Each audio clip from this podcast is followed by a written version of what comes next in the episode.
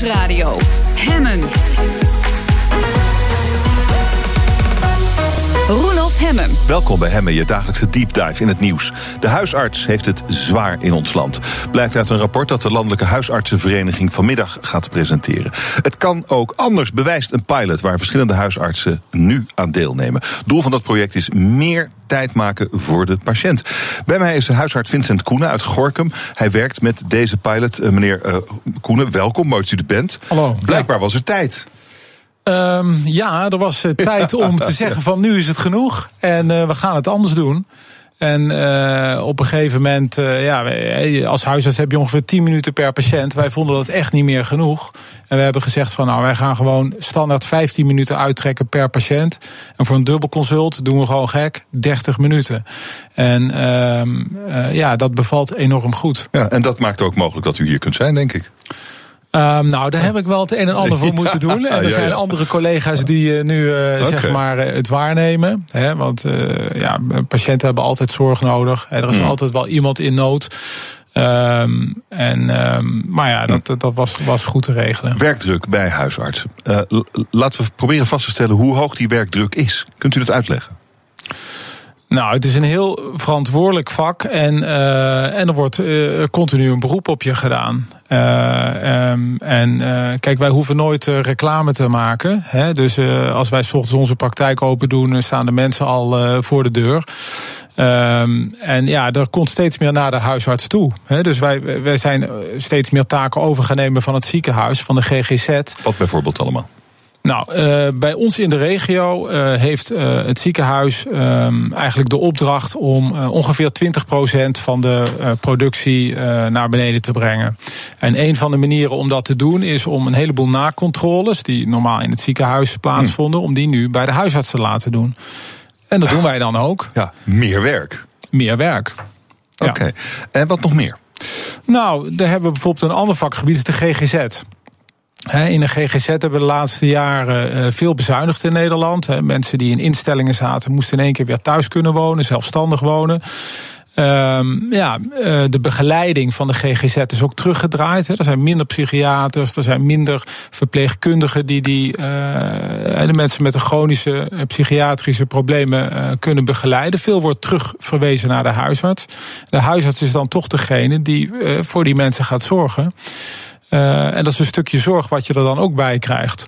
Uh, wat we graag doen overigens. Uh, maar ja, is wel het is wel extra meer taak. werk. Het is meer hoe, meer. Hoe ziet je werkdag er dan uit? Vol. Hoe, maar wat is vol? Kijk, veel mensen hebben het druk, veel mensen ja, hebben volle natuurlijk. dagen. En, en de huisartsen zeggen wij zijn eigenlijk overbelast. Dus hoe vol zijn die dagen? Ja, nou ja, er is. Uh, je bent. Kijk, wij zijn nog ochtends uh, om, om, kwart voor acht en we gaan rond een uur of zes weg. Dan neemt de huisartsenpost het over. Ja, dan zijn we non-stop bezig met patiëntenzorg. En kijk, ik heb het inmiddels in mijn praktijk. Maar is, dat, is dat overbelast? Nou ja, is het de tijd? Ja. Of is het de intensiteit? Het is uh, de verantwoordelijkheid, het gevoel, denk ik, dat je op een gegeven moment hebt van: kan ik mijn. Uh, uh, de dingen die ik doe, kan ik die nog wel goed doen? Hè? Ja, per patiënt te weinig tijd. Eigenlijk. Per patiënt te weinig ja. tijd. Daar zit het hem vooral in. Ja. Kijk, uiteindelijk is iedereen wel weer geholpen. En weet je het op te lossen. Hè? En dat doet iedereen natuurlijk. Maar je wil het wel goed doen. En het gaat om. Uh, ja, verantwoordelijke dingen. Je, en maar wat, wat kan er misgaan, meneer Koenen? Heeft u, heeft u voorbeelden? Dus u denkt van, ik had eigenlijk hier een patiënt, daar heb ik eigenlijk een fout gemaakt. Of iets niet gedaan wat ik beter wel had kunnen doen, omdat ik te weinig tijd had. Waar uitzicht nou, dat in? Wat, wat vooral bij ons. Uh, kijk, wij zijn nu sinds kort met. Sinds een jaar zijn we met die pilot bezig. Hebben we meer formatie gekregen, nemen we meer tijd voor de patiënt. Daarvoor hadden we nog wel eens dat je. Ja, dan had je zo weinig tijd. Dan dacht je, ja, ik, ik heb eigenlijk geen tijd om het goed uit te zoeken. Laat ik dat maar door mijn collega in het ziekenhuis doen. Stuurt u door? Ja. Dan, dan dat is, hij, je, je gaat dan niet afraffelen. Uh, je stelt uit en verplaatst. Ja. Dat is wat de huisarts nou ja, je, gaat, ja, ja, je bent je, je, je tijd aan het managen. En een van de dingen is om het van jouw bord af te krijgen. maar het blijft wel veilig. Ja, uiteraard. Kijk, nou, de, de, de, de, nou, de veiligheid. Ik, kijk, Uh, die staat altijd voorop. En een huisarts zal altijd triëren in veiligheid. Dus hij zal altijd zijn capaciteit daarin zetten waar het het hardste nodig is.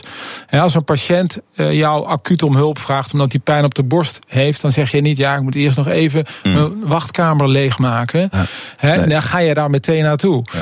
Uh, dan zitten die andere mensen weer te wachten. Ja, dat is dan zo. Het, het, ik kan me voorstellen dat dat uh, ook op een huisarts een enorme druk legt. Dat je daar uh, ook gewoon last van krijgt. Je krijgt er last van als jij het gevoel hebt dat je je werk niet goed kan doen. En dat je het aan het afraffelen bent. En dat je mensen soms na vijf minuten buiten hebt staan. Terwijl je denkt, ja, ik had er gewoon even iets meer aandacht aan moeten besteden. Ik had nog veel meer uit kunnen leggen. Die mevrouw is nu naar huis gegaan. Die zit nog met allerlei vragen. Maar ik hm. heb daar geen tijd voor. Het is niet gevaarlijk, maar het is geen goede zorg. En wat doet dat, maar wat doet dat met de dokter? Krijgt, wat, wat kreeg u daarvan? Gejaagdheid, stress, gewoon al dat soort dingen wat, wat andere mensen die overbelast zijn ook kunnen hebben. Ja, natuurlijk. natuurlijk. Je, je, je, je, je rijdt terug naar huis en je, je, je, de, de dag speelt zich even voor je af. En je denkt, ja, er zijn toch een paar dingen niet zo lekker gelopen. He, dat had anders gekund. Um, hmm. En nou zit u in die pilot. Uh, dat is geloof ik een initiatief van de zorgverzekeraar, VGZ. Toch? Nou, het is een gezamenlijk initiatief. En de zorgverzekeraar ah, ah, okay. heeft financiën vrijgemaakt. Oké. Hè, om, om ons te compenseren voor die extra compensatie. Ja, u vertelde al, uh, uh, de consulten duren nu gewoon veel langer. Niet meer 10 minuten, maar uh, wat zei u, 15? 15 minuten. Een dubbelconsult, half uur. Ja. Um, wat levert dat op? Heel veel extra informatie.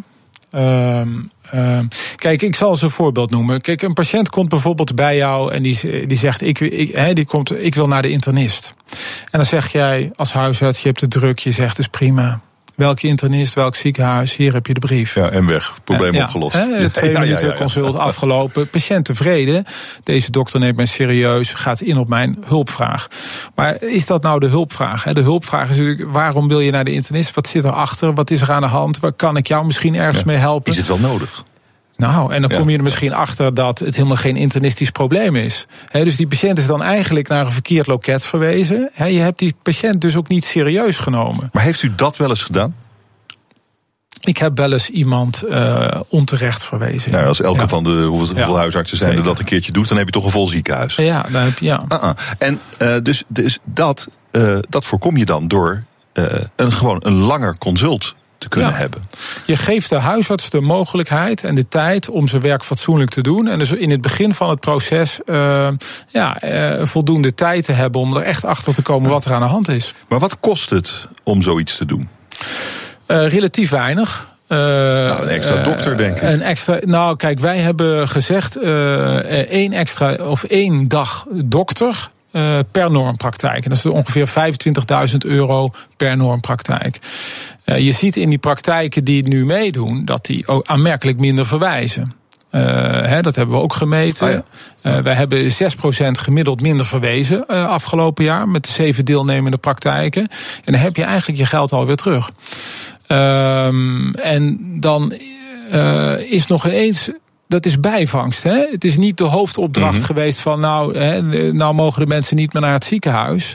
Nee, uh, we zijn die patiënt serieuzer gaan nemen. Ja. We hebben er meer tijd genomen en het bleek af en toe niet nodig. Maar, maar het kan dus voor die zorgverzekeraar, kan het eigenlijk budgetneutraal? Ja, ja, als je het dus goed insteekt, kan, ja. dan, dan kost het eigenlijk niks extra. Dit was een pilot. Wordt het nu in het hele land gedaan? Nou, uh, als het aan mij ligt wel. Uh, ja. de, wat ik merk is dat de zorgverzekeraar nog, ja, nog heel twijfelend is. het kost toch een hoop extra geld. VGZ, VGZ twijfelt? Jazeker. Ja, ja. Okay. kijk, zij doen dat nu in twee regio's. Hè, wij gaan het nu uitbreiden met vijf praktijken. Ja, we hebben in onze regio 45 praktijken. En we doen dat nu met 12 praktijken. Dus er zijn een heleboel praktijken die dat nog niet doen. En VGZ is toch wat huiverig om dat heel snel uit te breiden. Hè. Die wil eigenlijk eerst alles cijfers heel goed bestuderen. Dat is ook wel verstandig natuurlijk. Ja, het kost natuurlijk extra geld. Zij moeten ook investeren. Uh, maar je ziet wel, ja, je ziet uh, gewoon dat het loont. En, en wat ook heel belangrijk is, we zien hele uh, blije dokters. Uh, onze dokters zijn ontzettend tevreden, doen hun werk ook weer met meer plezier, hebben we ook gemeten. En de patiënten zijn heel blij, dat hebben we ook gemeten. Mm. Uh, ja, en die geven een dikke duim aan de huisarts. Zoiets simpels als gewoon een, een, paar minuten meer per consult. Meer tijd en aandacht. Ja. Is het niet een groot probleem dat er gewoon te grote praktijken zijn? Ja. Gemiddeld, wat is het, 2500 mensen per huisarts? Nou, de, de normpraktijk was altijd 2350. Die is eigenlijk de laatste jaren naar beneden bijgezet op papier. Hmm. en dan zeg ik ook op papier. Hij is nu 2095. Maar er zijn nog heel veel praktijken. Ja, die zitten boven norm. En die zitten ook nog boven die oude norm van 2350. Die zitten inderdaad nog op 2500. Ja, maar dat is, uh, dat is aan de ene kant fijn voor de dokter, want dan verdient hij meer, toch? Ja, dan verdient hij meer. Ja, dus daar, er zit in die norm ook misschien niet verkeerd. Want die dokter kan natuurlijk zelf ook zeggen: ik wil meer tijd. Uh, dus ik neem maar geen, geen uh, eh, 2300 zoveel, maar ik neem maar 1800. Ja. Zeker. Maar dat doet de dokter niet, want dat, dat uh, faciliteert het systeem niet in. Nee, dat gaat direct ten koste van... Prikkel is verkeerd in het systeem Die prikkel is verkeerd, ja. ja. ja. want die prikkel is, uh, die is nu zo dat uh, ja, de huisarts krijgt inderdaad voor iedere inschrijving ja. betaald.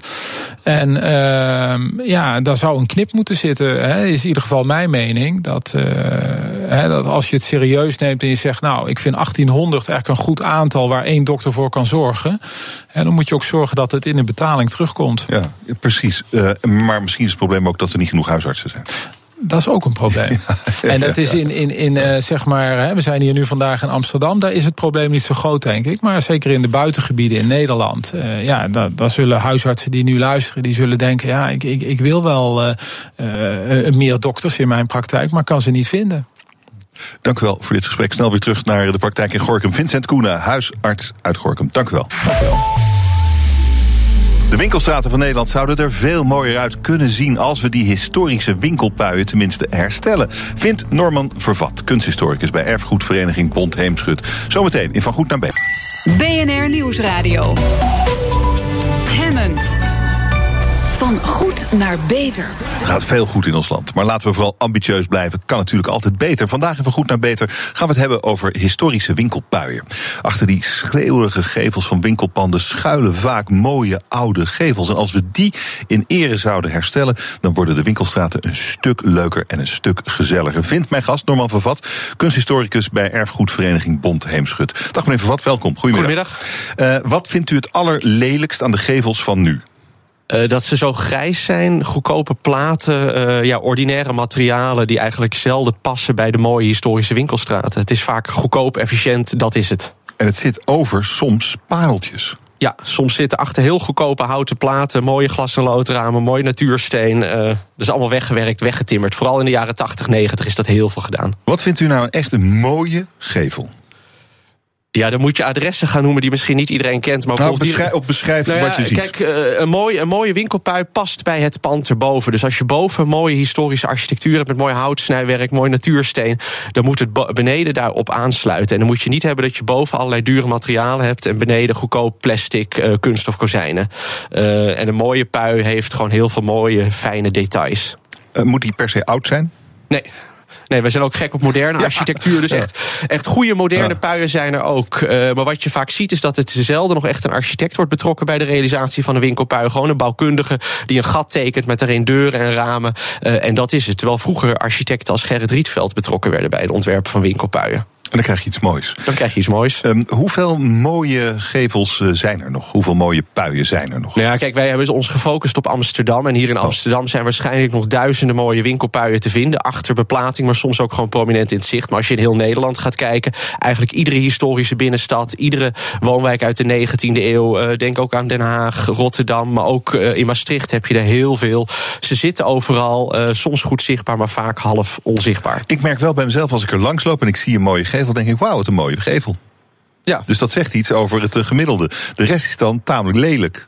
Ja, je staat er niet zo bij stil. Ja, mensen kijken er ook wel echt naar. En je merkt ook gewoon dat dit onderwerp wordt door veel mensen opgepikt. Mensen vinden het leuk. Uh, ja, de, de uitstraling van de winkelstraat is toch belangrijk. Je gaat winkelen voor je plezier en dan wil je dat doen in een mooie omgeving. En waarom is die dan zo lelijk gemaakt? Uh, het moest efficiënt en goedkoop zijn. Dat zie je zeker in de jaren 80. Als je toen een huis uit de jaren 30 kocht, het eerste wat je deed was het glas en lood eruit rammen. Dat was uit de mode. Uh, en dat deden ze dus ook bij winkelpuien. Gewoon strak modern maken, grote lichtbak eroverheen. Dat was hoe een moderne winkel er toen uit moest zien. Maar vinden we dat nog steeds goed? Want het wordt nog steeds gedaan. Het wordt nog steeds gedaan. Uh, nou ja, er zijn nog steeds winkeliers die echt geloven dat de moderne winkelpui belangrijk is. Die dus als ze een oud pand kopen, het eerste al het mooie eruit slopen en dan opnieuw beginnen. Wat zit daar voor gedachte achter? Ja, dat het, dat het goedkoper waarschijnlijk ook. Je ziet bijvoorbeeld aan de andere kant ook de negen straatjes hier in Amsterdam. Misschien wel het beroemdste winkelgebied van Nederland. Dat zijn bijna alleen maar historische winkelpuien. Uh, dus er zitten twee kanten aan. Aan de ene kant misschien het grootwinkelbedrijf dat het snel goedkoop huisstijl wil hebben. Aan de andere kant de kleine ondernemers die wel zien wat de kwaliteiten zijn van zijn oude gevel. Kan een, uh, kan een stad het niet gewoon verbieden, lelijke gevels?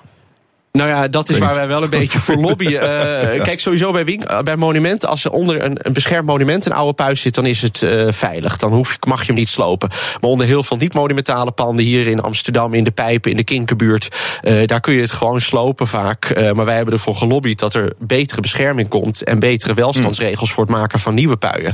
Ja, dit is een, misschien een beetje een verdrukking gekomen. We zijn natuurlijk in de afgelopen jaren gewoon een beetje weggegaan met de welstandscommissie en al dat soort dingen. Meer vrijheid, blijheid. En nu blijkt eigenlijk dat er ook negatieve gevolgen zijn. Het wordt gewoon lelijker. Dat klopt. Uh, ja, uh, zeker in een vol land als Nederland is goede welstandszorg zo belangrijk. Dat, dat je de gebouwde omgeving een goede kwaliteit heeft. En denk ook aan het internet. Uh, waarom zou je nog in een echte winkelstraat gaan winkelen als het allemaal spuuglelijk armoedig is? Als die winkelstraat er goed uitziet, een mooie historische uitstraling. Daar komen mensen graag. Oh, u vindt het echt spuuglelijk en armoedig? Vaak wel, ja. ja. maar aan de andere kant zijn er ook heel veel positieve voorbeelden. Het is een beetje dubbel. Je ziet hele mooie dingen, wat ik zei, de negen straatjes... maar ook uh, projecten in Leiden... waarbij de ene andere naar, naar de andere winkelpui wordt hersteld, gerestaureerd. Uh, maar anderzijds loopt door de Kalverstraat en je wordt diep verdrietig. Hoe komt het dat ze dat in Leiden dan, dan wel, wel doen, wel snappen?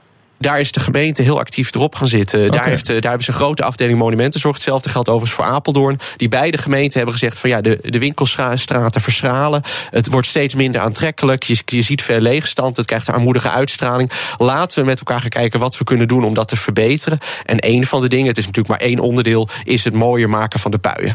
En uh, hoe neemt de gemeente dan bijvoorbeeld in Leiden of Apeldoorn zijn rol daarin? Dwingend of met uh, financiering of nou met ja, advies? Hoe gaat dat? Beide. Kijk, wat ik net al zei, bij een monument kun je echt dingen afdwingen. Dat eigenaren dingen ja. niet mogen slopen. Maar in andere gevallen is het vooral stimulerend. En zo bedoelen wij het ook in Amsterdam. Dat je met ondernemers gaat praten van kijk eens achter uw beplating. Wat zit daar voor moois? Kunnen we met elkaar een ontwerp maken? Uh, kunnen we onderzoek doen? De gemeente kan onderzoek doen, kan stimuleren. Uh, afdwingen moet je zoveel mogelijk voorkomen. Mm -mm. En um, helpen met financiering, want het is, ja, uh, geld is uh, ja, toch uh, gewoon geld. Hè? Ja. Wat kost dat eigenlijk? Om een gevel, stel je voor, je hebt een beplate gevel, er zit misschien iets moois achter.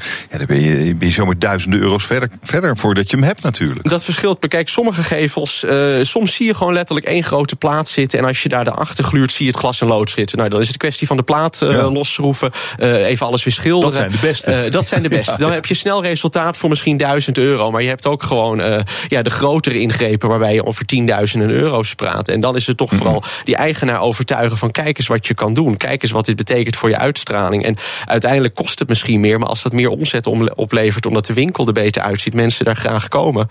Uh, het hangt ook een beetje van het soort winkel af. Ik, ik kan me voorstellen zo. dat een gooien smijtzaak uh, zal het worst wezen. Ja. Hè, toch? En ja, die kan best in een mooi pand zitten. Ja, klopt. Uh, ja, belwinkels zitten bijvoorbeeld heel vaak in hele mooie aanloopstraten met heel veel oude puien, maar plakken er een grote lichtbakken op. Uh, maar aan de andere kant, de H&M op de Dam hier in Amsterdam heeft bijvoorbeeld heel veel geld geïnvesteerd om de oude puien weer helemaal in oude staat te herstellen. Dus uh, ja, het is ook niet te zeggen van het is het groot winkelbedrijf dat het altijd slecht doet of iets.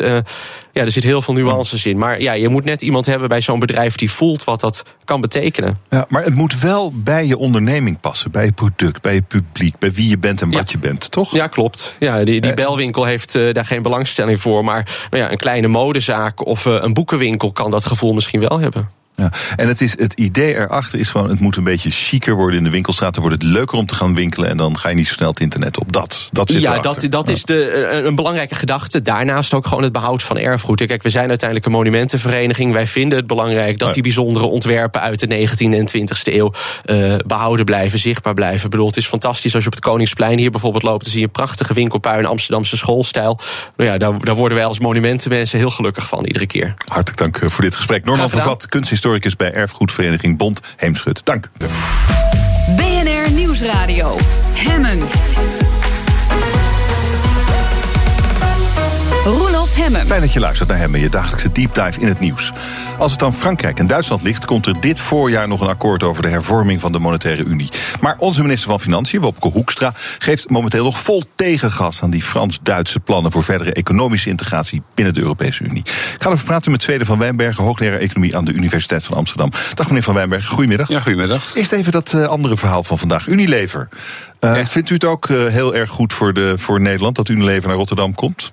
Nou, het gaat, het gaat over een deel van een hoofdkantoor. Veel meer niet. Kijk, voor, qua werkgelegenheid gaat het meer om wat doen alle fabrieken die ze overal hebben. En daarvan zijn er eigenlijk überhaupt niet zoveel meer in Nederland. Maar het is natuurlijk wel een, het is een show. En kan die. Een hoop advocaten en zo, die gaan eraan verdienen. Maar... Oh, oh ja, nou dat is ook goed.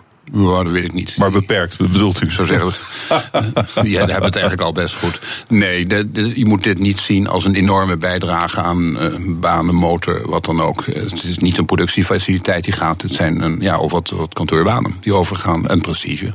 Hm. En zou die, ja, je, meteen weer de nieuwe discussie over die dividendbelasting, de afschaffing daarvan. Mm, ja, ja, buiten is binnen.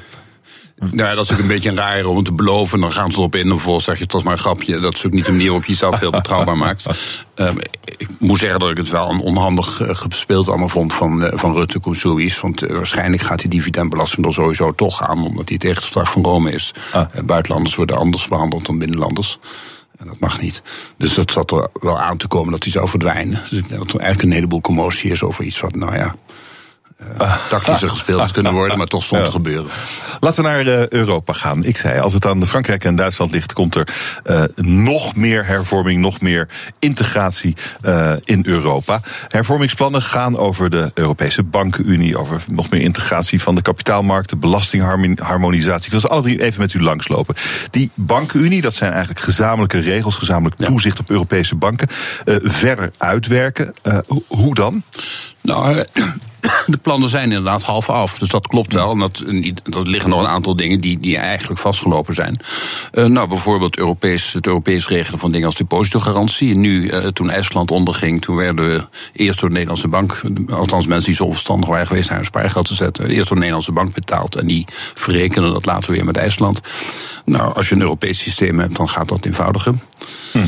Um, maar dat is, wordt terecht, vind ik, gezien als het sluitstuk op het geheel. En uh, dat wil je niet opzetten als er nog een groot deel van je banksysteem een behoorlijk slechte, behoorlijk slechte gezondheid heeft. En dat is in Nederland niet zo, maar dat is in andere delen van Europa wel zo. Vooral in het zuiden? Vooral in het zuiden, ja. Uh, maar ik zou Duitse banken zou ook enigszins voorzichtig mee zijn.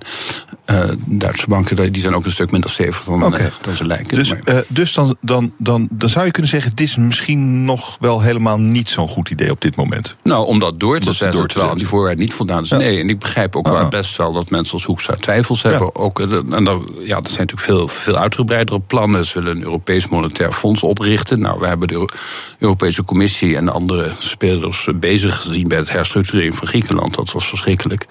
Dat is uitzonderlijk incompetent en gepolitiseerd gegaan. Die hadden dat veel beter naar het IMF kunnen uitbesteden. IMF is ter zake kundig, loopt al jaren, kan net zo goed in Europa werken als ergens anders. Helemaal geen reden om een Europese instelling op te richten, tenzij je daar politiek invloed voor uitoefenen. Maar dat wil je nou net niet bij zo'n instelling. Ik zou zeggen, doe het vooral niet en haal het IMF er veel meer bij. Dan was ook Griekenland beter gegaan dan nu gegaan is. Ander punt, uh, verdere integratie van uh, de kapitaalmarkten. Wat, nou ja, op zich kapitaalsmarkten, integratie als bolken zijn altijd lopen, uh, lopen promoten. Is, is natuurlijk goed dat er minder barrières zijn, dat er allerlei procedures gelijk getrokken worden, belastingen. Maar wat dat, hebben we voor barrières nog dan? Nou, dat zijn dikwijls uh, hele kleine dingen. Maar uh, ga maar een, uh, ja, zelfs betalen over de grenzen. Dat begint nou langzamer te gaan. Maar dat is, toezichtregels zijn anders. Er zijn nog steeds.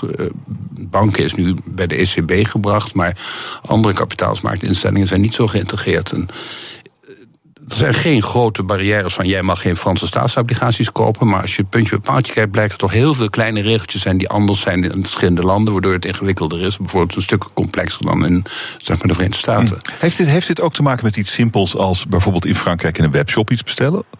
Nou, dat zijn typisch voorbeelden die niet makkelijk lopen. Uh, als je Amazon.fr wil doen, dat gaat helemaal niet zo eenvoudig. Nou, daar is allemaal wel heel veel verbeterd. Uh, ook op digitaal vlak. Daar was Nelly Kroes al geweldig actief mee bezig. Hè. Telecom en, en, en uh, ook internet proberen Europees te maken. Maar dat is nog een hele, hele weg te gaan. Ja. Overigens, vind, dit is, vind ik allemaal niet zo controversieel. Het is goed dat, ja, dit moeten ze wel doen. Er zit niet veel nadelen aan. Uh, wat veel controversiëler is, is allerlei fiscale integratie en een, zeg maar, op federaal Europees niveau een hele fiscale structuur optuigen, zoals zeg maar, Amerika een federale regering hebben. Dat vind ik iets, uh, ja, daar zou ik ook aan de rem gaan trekken. Ja, de belastingharmonisatie noemen ze dat dan? En, uh, ik, dat is een deel. Is ook dat een deel? Er zijn veel wildere plannen. Wat zijn, Kijk, wat zijn, wat zijn die wildere plannen?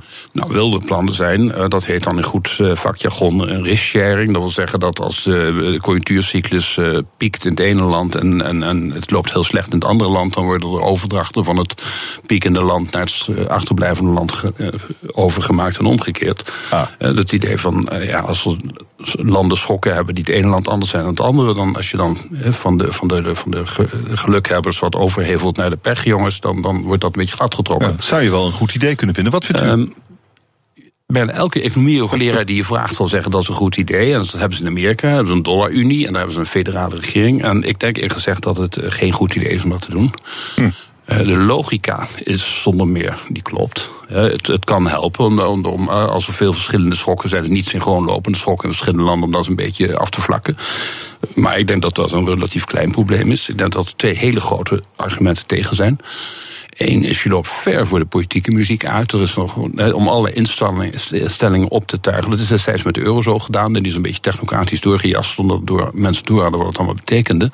Dat zou nu nog veel vergaander zijn. Nou, ik vind dat, dat lijkt mij uh, riskant om dat te doen zonder dat er breed draagvlak onder de bevolking voor is. Economisch gezien vind ik het eigenlijk ook. Want ja, het is typisch, het is Macron een vrucht vooruit. Maar het probleem in Europa is niet uh, ja, dat de conjunctuur een beetje tegenzit in Griekenland en Italië en toevallig goed loopt in Nederland en, Duitsland. Uh, het is veel structureler. Er is echt structureel al decennia divergentie. Uh, Italië is niet gegroeid sinds ze in de eurozone kwamen. Dan heb je het over, wanneer was dat? 1999. En dat is al, bijna twintig jaar. nou, dat is niet even een conjunctuur die niet synchroon golft, die niet synchroon loopt. Dat is veel dieper, veel structureler. En uh, ja, dan lijkt mij dat je daar allerlei controversiële dingen gaat optuigen die helemaal de onderliggende problemen niet eens raken. Ja, het gro grootste probleem is natuurlijk dat wij dan hier in het Rijke Nederland gaan betalen voor die arme Italianen. Nou, dat, dat, dat is dan de manier niet, toch? Nee, niet, tenzij dat hervormingen op zou leveren waardoor zij niet meer arm zijn. Uh -uh. Maar dat doet het juist niet, want je zou zelfs kunnen omdraaien als jij een heel transfersysteem, een soort, soort, soort uh, ja, bijstandsafhankelijkheid. Namelijk als je heel veel geld gaat geven aan landen die het slecht doen, dan wordt daar de druk om te hervormen juist weggehaald in van. Dus dat werkt precies verkeerd om. Dus ik denk dat zolang Italië, Griekenland nog niet uh, de politieke steun in, binnen hun eigen land kunnen opbrengen om een economie rationeler te organiseren, moet je dit soort dingen niet doen. Uh, maar toch is dat wat Frankrijk en Duitsland willen. Ja, de, nou, Macron vlucht vooruit. Uh, die heeft natuurlijk op, die Macron wil een hoop zinnige dingen doen. Maar ja, dat moet, die heeft ook veel een geweldige verkiezingsoverwinning behaald natuurlijk. Zowel het parlement als presidentieel. Dus die, die heeft de wind mee. Maar ja, nu moet hij echt dingen gaan leveren. En nou ja, je moet afwachten hoe dat gaat. Frankrijk is daar nou niet zo'n heel soepel land. Dan willen ze ook wel eens een keer de, de, de, de spoorwegen willen best het hele land platleggen. Als een pensioenleeftijd boven de 50 uitkomt. Wat, waar wij, wij dan zitten kijken, wat zeg je? Ja, ja, ja. ja, die lopen nog een beetje achter. Um, maar dat is niet een probleem dat je oplost door te zeggen: Nou, een achterblijvende economie krijgt een werkloosheidsuitkering vanuit Brussel. En die wordt dan weer gefinancierd door het land waar de economie aan het boomen is. Nee, want dat zal niet snel veranderen. Dat blijft dus één kant op gaan. En dan krijg je precies wat jij zegt. Dan houden wij in feite de weerstand tegen vormingen maken we wat makkelijker doordat we ze financieren. Maar wat, wat, als je daar misschien met een welwillend oog naar zou kijken, wat zou dan het grote voordeel zijn uh, van veel meer integratie van die eurozone? Nou, ik denk dat het nog overdreven wordt. Je kunt zien wat de voordelen zijn door naar Amerika te kijken. Amerika heeft natuurlijk al heel erg lange muntunie. Die, die dollar, nou ja, dan heb je het over eind, nou, wat is het, 1790 of zo. Uh, dat is eind 18e eeuw, die zit al een dikke twee eeuwen. En die, dat begon eerst zoals de eurozone was, zonder fiscale infrastructuur. Dat liep binnen een paar jaar helemaal uit de hand. Toen is daar wat wij kennen als de Amerikaanse grondwet gekomen. Dat was eigenlijk de tweede al. En daar werd die fiscale infrastructuur er bovenop gezet. En dat heeft inderdaad heel goed gewerkt. Alleen er, zijn veel, er is vrij serieus onderzoek gedaan van hoeveel van die verschillen in schokken tussen verschillende staten wordt nou weggepoetst door die fiscale eh, eh, superstructuur, federale overheid. Nou, dat is ongeveer 10, 15 procent. En dan moet je dus echt afvragen, als je zelfs in een land waar het zo ver al loopt en zo politiek geaccepteerd is, doet het nog maar 15% van wat sowieso niet zo'n heel groot probleem is in Europa.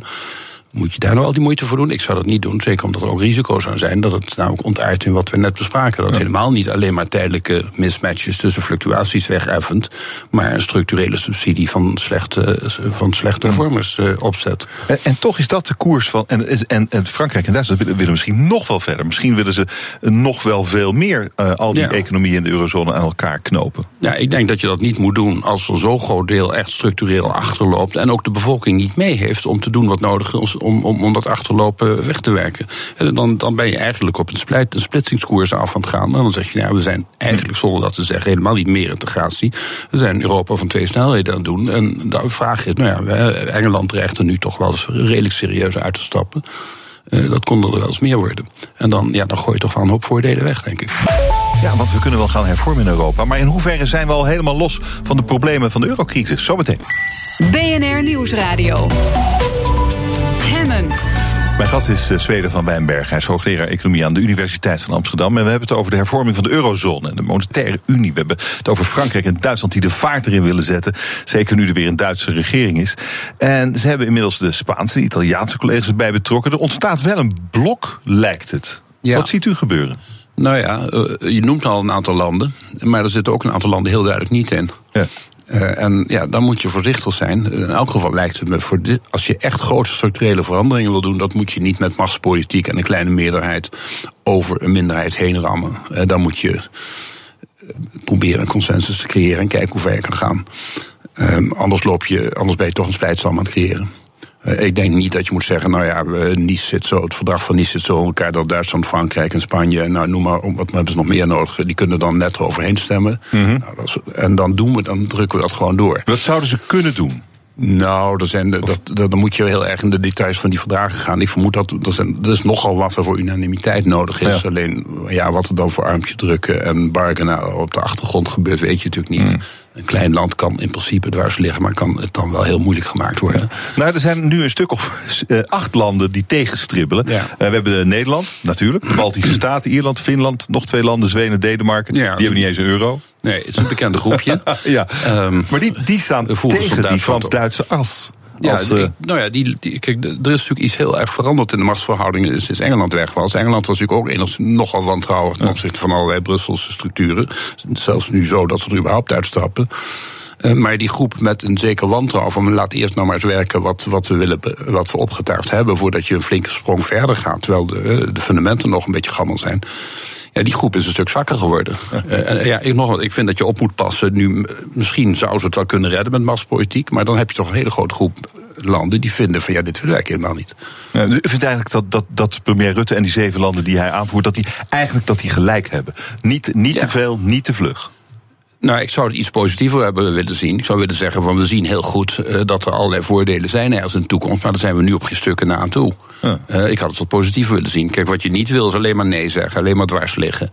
Um, en daar krijg je ook je eigen achterban niet enthousiast. En dat vind ik eigenlijk ook een fout die veel Nederlands politici kan, kan, kan aanwrijven. Ze hebben altijd alles wat vervelend was. Zeggen, ja, het is de schuld van Brussel. En alles wat leuk was, hebben we ondanks Brussel gedaan. Ja, zo krijgen mensen wel een hekel in Brussel. Terwijl ze vergeten dat natuurlijk alles wat in Brussel besloten is, door de politiek afgetekend is. Want de commissie die voert uit, die beslist niks.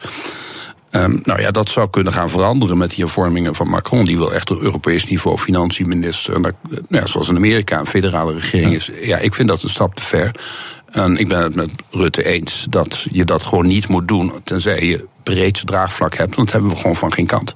En ook, ja, ook terecht eigenlijk niet. Want dit zou niet de problemen oplossen die we hebben. Namelijk die structurele divergentie tussen vooral Noord en Zuid. Die los je met dit soort structuren gewoon niet op. Het is zelfs misschien heel riskant om dit door te drukken, denkt u niet? Ik denk dat het echt heel fout is. Uh, wat, zou er kunnen, wat zou er kunnen gebeuren? Laten we even nou, gewoon het, het, scenario, scenario, denk ik. Voor de Europese Unie? Ja, dat denk ik wel. Nou, als je dit wel doet, dan gaat het onvermijdelijk uh, die divergentie door laten gaan. Want je maakt het nou makkelijker. Je gaat allerlei uh, overdrachtsbetalingen doen bij la naar landen waar het slecht gaat. Waardoor die wat minder het mes op de keel hebben om te zorgen dat het goed gaat. Waardoor het weer steeds slechter gaat en meer betaald moet worden. Je komt, van ja, je loopt steeds meer uit elkaar. En op een gegeven moment komt daar gewoon een revolutie tegen. We willen het niet meer. En als er dan geen mechanisme is om dat binnen de EU uh, te stoppen, dan, uh, ja, dan gaat er op een keer toch een, een, flink deel van de bevolking zeggen: dan maar buiten de EU, kijk naar Ierland. Waar Zelfs al heeft dat hoge kosten. Want Engeland gaat natuurlijk flink ja. te dat ze gedaan hebben. En toch, ja, ze voelen toch dat het te hard gaat. Maar waarom zien Macron en Merkel dat risico niet? Nou, wat Merkel ziet, weet je nooit. Merkel die zegt heeft eigenlijk nooit een uitspraak over wat dan ook. Hm. Haar hele regime van de afgelopen, nou ja, hoe lang is ze er al? Is eigenlijk uh, proberen compromissen en doormodderen. Het is, en, en hervormingen glijden zo'n beetje terug. De grote hervormingen in Duitsland waren onder Schreuder, wat voor Merkel. Macron is volgens mij vlucht naar voren. Uh, die, die heeft enorm de wind mee in Frankrijk, maar hij heeft nog niks moeilijks gedaan. Uh, ja, die vlucht naar voren, grootste visioenen. Frankrijk een grote glorieuze rol. Uh, als daar een sterke ambtenarij komt, nou ja, Fransen aan de top. En ja, Frankrijk ja. verhoogt zijn invloed. Maar in mensen inziens is hij weg aan het vluchten van het moeilijke werk wat hij in Frankrijk zelf moet doen. Ja. De, er, is een, um, er zijn misschien nog wel tussenoplossingen. Uh, bijvoorbeeld de, het idee van de flexibele euro, de Noord- en de Zuid-euro. Uh, ook, nou ja, ook niet door de eerste de beste uh, naar voren gebracht, dat soort ideeën. Zou dat een oplossing kunnen zijn? Maak het nou, verschillend om twee van die verschillende munten op te gaan zetten, dat, dat lijkt mij niet een heel overtuigend iets. Ik denk niet dat dat een lang leven beschoren gaat zijn, want dan gaat, dan gaat dat weer verder fragmenteren. Een Europa van de twee snelheden op meer structureel niveau kan ik me wel iets bij voorstellen. Um, zolang je maar niet landen tegen, zonder dat ze daar voldoende politiek draagvlak voor hebben, meesleept in iets wat, ja, waar de bevolking straks tegen gaat stijgen. Want dat, dat is uiteindelijk toch, dat gaat scheuren opleveren in de, in de Europese Unie. D dit zijn eigenlijk nog steeds de restanten van, van, de, van de crisis, hè? Die hebben het heel sterk aangescherpt. Kijk. We hebben een heleboel dingen zien gebeuren. Ten eerste was het nogal duidelijk dat Griekenland eigenlijk van geen kant was waar ze beweerden dat ze waren. Dat, dat lag structureel veel verder achter. Vervolgens hebben we extreme politisering en incompetentie op Europees niveau gezien. De manier waarop daarmee omgegaan is, was zeer politiek gestuurd. En uitzonderlijk slecht ontworpen hervormingsprogramma's. Ik heb dat soort dingen aan instuk door in een eerdere fase van mijn leven. God mag weten wat voor rare landen gedaan. Als als Griekenland aangepakt is, wil je het niet doen. Dat is, heeft het bijna onmogelijk maar voor, gemaakt voor die Grieken om ook werkelijk mee te werken. Eerdere tijd, Mexico en dat soort landen waar vergelijkbare problemen bestonden, zijn veel beter opgelost. Dat had het IMF kunnen doen. Dat, de Europeanen vonden dat beneden waardigheid. Kan alsnog natuurlijk, u zei het al eerder. In ons het kan, maar het is nogal een stap. En de, de, de wind lijkt de andere kant op te waaien. Ze willen hun eigen IMF optuigen. Nou, we hebben gezien wat die Europese Commissie ervan maakt... als zij weer met hun vingers aan de vormingsknoppen komen. Dat is een puinhoop. Dat, Griekenland is verschrikkelijk slecht ontworpen, dat hele programma. En er zijn ja, op, gewoon maar oplossingen vooruitgeschoven. En, en verder een hoop machtspolitiek... in plaats van proberen het land echt mee te krijgen in een hervormingsproces. Dus het bijna allemaal zo fout gaan als maar zijn kan. Dus dat vind ik bijzonder ja, slecht. Dat betekent dit soort, instant, dit soort clubs institutionaliseren en formeel macht geven lijkt mij heel onverstandig. Wanneer is, wanneer is het volgende grote moment in deze discussie? Nou, hopelijk nog even niet. Nee. Want uh, over het algemeen komen grote momenten in discussies als er dingen helemaal fout dreigen te gaan. Uh, er zit veel meer kwetsbaarheid in de eurozone dan, dan nu daar. De, de hele conjunctuur die, die staat natuurlijk ja, al licht staan groen. Dat loopt allemaal goed. Dat doet een hoop problemen een beetje naar de achtergrond schuiven. Maar er zijn nog steeds grote zwakheden. Italiaanse banksystemen. Italië heeft al, al bijna twee decennia geen groei. Dat kan natuurlijk ook niet eeuwig doorgaan. Uh, zo kunnen we doorgaan. Duitsland is zijn pensioenproblemen niet aan het aanpakken. Er zitten overal grote problemen. Dat zijn eigenlijk gewoon nationale problemen. Dat zijn geen Europese problemen. En zolang die landen die nationale problemen niet aan kunnen pakken, is een vlucht vooruit naar Europese structuren, ja, denk ik, niet een heel goed plan. Dank u wel voor dit gesprek. Zweden van Wijnberg, hij is hoogleraar economie aan de Universiteit van Amsterdam. Dank u zeer. Buitenlandse zaken. En hier is uh, Peter Weininga. Uh, hi Peter. Hi. Uh, mooi dat je er bent. wij bespreken elke week wat jou opvalt in het buitenlandse nieuws. En vandaag gaan we het hebben over ja, die hele affaire in het Verenigd Koninkrijk. De aanslag op die spion en zijn dochter, die Russische dubbelspion. Mai Premier May heeft nu tegen 23 Russische diplomaten gezegd dat ze een week hebben om hun spullen te pakken en te vertrekken uit het Verenigd Koninkrijk terug naar Rusland. Is dat een sterke reactie, vind jij? Nou, het is diplomatiek een sterke reactie. Het wordt meestal hè, diplomatiek als het zwaarste wapen gezien. Het uitzetten van, uh, van diplomaten. Uh, die diplomaten zijn vaak nodig om de contacten tussen beide landen in stand te houden. En als je die uitzet, ja, dan is dat toch wel een, een, een flinke uh, diplomatiek, ja. zij het symbolisch. Uh, maar ja, 23. Wij, wij worden ja. al nerveus als, als, als het over de ambassadeur gaat. Dit is zo ongeveer iedereen die ertoe doet, denk ik. Nou, ik denk dat er, het aantal Russische diplomaten zo tegen de 100 loopt hoor. In, in het, ja, die zijn niet allemaal belangrijk, toch? Nee, dat klopt. Dus ze zullen wel een selectie hebben gemaakt. En ik denk dat ze een selectie hebben gemaakt op basis van hoe dicht ze bijvoorbeeld bij de inlichtingenwereld zitten. Want daar, daar brengt het natuurlijk. Ja. Ja. Uh, ja, want ja, dit hebben de Russen wel gewoon gedaan, denk jij? Ja, alle sporen leiden naar Rusland. ja, ja. Ik bedoel, de, het spul is ooit in Rusland gemaakt door niemand anders. Uh, het staat op een verboden lijst, maar de componenten niet. Dus het is ook makkelijk te transporteren en dan ergens te mixen. En dan heb je het. Uh, mogelijk is dat ook hier gebeurd, want op een of andere manier moet het wel Engeland binnengekomen zijn. Mm -hmm. Dus um, uh, het is ook alleen maar door de Russen gebruikt, getest. Uh, en het is ook eigenlijk alleen maar toegankelijk voor, uh, voor Russische militairen of mensen van de geheime dienst in Rusland. Nu zeggen de Russen uh, over het uitwijzen van die 23 diplomaten: dit is een uh, vijandige daad. Ze noemen het onaanvaardbaar, onterecht en kortzichtig. En zeggen ze dat dat draagt bij aan de verslechtering van de Brits-Russische betrekkingen. Ja, dan hebben ze wel een punt, denk ik. Ja, maar, maar ja, goed. wie ze begonnen. Ja, dat wou ik zeggen. Die, die waren natuurlijk al verslechterd ja. uh, na, dit, uh, na dit geval. En laten we wel wezen, het was ook niet de eerste keer dat er natuurlijk een Russische spion uh, door Russen werd aangevallen in, in Groot-Brittannië. Litvinenko hadden we een Precies. jaar of wat geleden. Ja, dus, dus ik denk dat dit de druppel is. Ik denk dat iedereen nu toch wel zich van goed doordrongen is dat, dat Rusland dit soort acties ja, pleegt. Maar waarom doen de Russen dit? Waarom doen ze het zo opzichtig? Ja, dat is, dat is een grote vraag. Um, um, waar je ook niet zo 1, 2, 3 uitkomt. als je het wil doen, dan, uh, ja, dan zou je het het liefst in het verborgene willen doen. He, er zijn ook wel gevallen bekend, ook in Engeland overigens, van oud-Russische spionnen die zichzelf hebben opgehangen in hun uh, badkamer. Uh, terwijl de deur op slot zat. dat is lastig. Van de buitenkant op slot zat zelfs. Dus ja, dan blijf je met vraagtekens zitten. Ja. Hier worden toch wel sporen gevonden. Nu, zijn, nu is het moeilijk om de, om de stof waarom het gaat, uh, Novitskin, goed aan te, te tonen. Daar moet je zeer gespecialiseerde laboratoria voor hebben. Die hebben de Britten toevallig. Dus daarom zijn ze er ook achter gekomen. Dus het kan ook heel goed zijn dat men dacht: we komen er wel mee weg. Want men kan het niet traceren. Hmm. En maar goed, de Russen schijnen in hun eigen land op de televisie ook uh, erover te spreken in termen. Zo nou weten verraders tenminste wat ze boven het hoofd hangt. Ja, precies. Dus de, dus de, dus de, de speak, zeg maar, die past erbij. Ah. Um, uh, en, en dat is natuurlijk een extra element om te zeggen van ja, het moet daar toch vandaan komen. Ja. Nou, um, en nou is de vraag natuurlijk of dit in opdracht van Poetin is gebeurd. He, uh, dat valt natuurlijk heel moeilijk aan te tonen.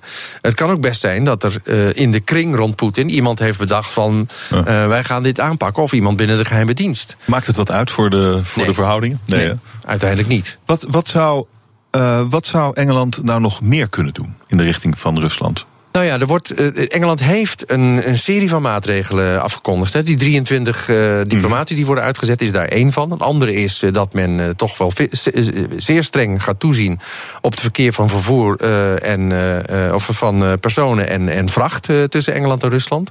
Zullen extra zware controles worden uitgevoerd. Dat zal met name voor vracht consequenties hebben, want het komt later aan en misschien mm. is het wel duurder allemaal. Ehm, personenvervoer leidt alleen maar tot irritatie op luchthavens. En verder ook niet, denk ik. Um, daarnaast uh, ja, zitten er wat symbolische dingen bij. Als uh, we gaan niet uh, met minister Ploeg naar de, de, de, WK voetbal. En het, de koninklijke familie komt ook niet. Ja, daar zal schouderophalend op worden gereageerd. wat het verhaal niet vertelt, is of Engeland op cybergebied ook iets doet. En een ander aspect, uh, wat in ieder geval niet aan de orde is gekomen, is dat het mogelijk is om bepaalde Russische personen, oligarchen, die rijke Russen die dicht om Poetin heen zitten, uh, om die persoonlijk aan te pakken in hun portemonnee. Ja, nou, ik denk dat er voldoende van dat soort types in Londen wonen. In de, Juist. In de dure wijken. Juist. Juist. En die hebben ook bankrekeningen in het buitenland. En daar kun je bij. Uh, daar kun je bij op een legale manier. Hè, door de, die bank te benaderen en zeggen van blokkeren. Of, en als die bank niet mee wil merken, eh, werken, kun je dat ook via een cyberaanval uh, doen. Uh, dus en waarom zou mee dat, nou op dit moment, ja. in zien we het niet, maar waarom zou ze dat nu niet doen? Ja, dat, dat is een beetje de vraag. Ik weet ook niet zeker of ze het nee. niet doet. Hè? Want als je zoiets doet, probeer dat natuurlijk in het verborgene te doen. Ook omdat je wil vermijden, nu op, uh, aan, aan, aan Britse kant, dat het meteen herleidbaar is tot een Britse actie. Dus, um, dus ja, aan de ene kant komt ze met de zichtbare maatregelen. En ook het bevriezen van uh, te goede van uh, Russische organisaties. Dat is een zichtbare maatregel. Kun je echt een sanctie noemen. Maar aan de andere kant, die andere dingetjes, ja, daar heeft het niet over. We weten dus niet of dat ook niet gebeurt. Het is een film, maar dan echt. Ja, inderdaad. Ja, Dankjewel. Peter Weininga van het Haag Centrum voor Strategische Studies. Dank je zeer. Nieuwsradio. Hemmen. Roelof Hemmen. Fijn dat je luistert naar Hemmen, je dagelijkse deep dive in het nieuws. Het eerste CO2-vrije ei en het eerste hanenvlees in de supermarkt. Twee primeurs van de enige kippenhouderij waarvoor Wakker Dier reclame maakt, Kipster. Het ging crescendo, maar nu dreigen ze vast te lopen in regelgeving. Mijn gast is Maurits Groen. Hij is duurzaam ondernemer en een van de initiatiefnemers van Kipster. Welkom, dat u er bent. Fijn. Uh, behalve een uh, fel pleitbezorger van een duurzame wereld, bent u ook een ondernemer, serieondernemer. En nu initiatiefnemer van Kipster bij Venray. Waarom begon u een kippenboerderij? Omdat uh, er natuurlijk een hele hoop te verbeteren valt op het gebied van uh, dierenwelzijn en überhaupt de milieu-impact van, uh, van ons eten. En zeker het, het dierlijk eiwit, kippen, varkens, koeien. Ehm, kippen en eieren zijn uh, dierlijke eiwit met de kleinste ecologische footprint. En bovendien het goedkoopste eiwit uh, voor iedereen, zowel hier als in, uh, in andere landen. Dus toen ik een geweldige ondernemer tegenkwam, Ruud Sanders, die al generaties, zou ik maar zeggen, met zijn familie in de kippen zit. Ehm, toen zijn we gaan brainstormen om te kijken of we het niet beter zouden kunnen doen, maar gewoon echt helemaal goed. Dus helemaal vanaf de tekentafel, optimaal dierenwelzijn, geen enkele emissie naar het milieu. Sterker nog, een positieve bijdrage aan het milieu. Goed inkomen voor de boer. En dan gewoon zorgen voor het feit dat er geen, wat dan heet, food-feed competitie is. Hè. Kippen, varkens ook trouwens, zijn dieren die normaal gesproken ons afval eten. Dat was vroeger zo. Je had 100 jaar geleden waren er helemaal geen kippenboeren en varkensboeren. Je had alleen boeren met kip en varkens.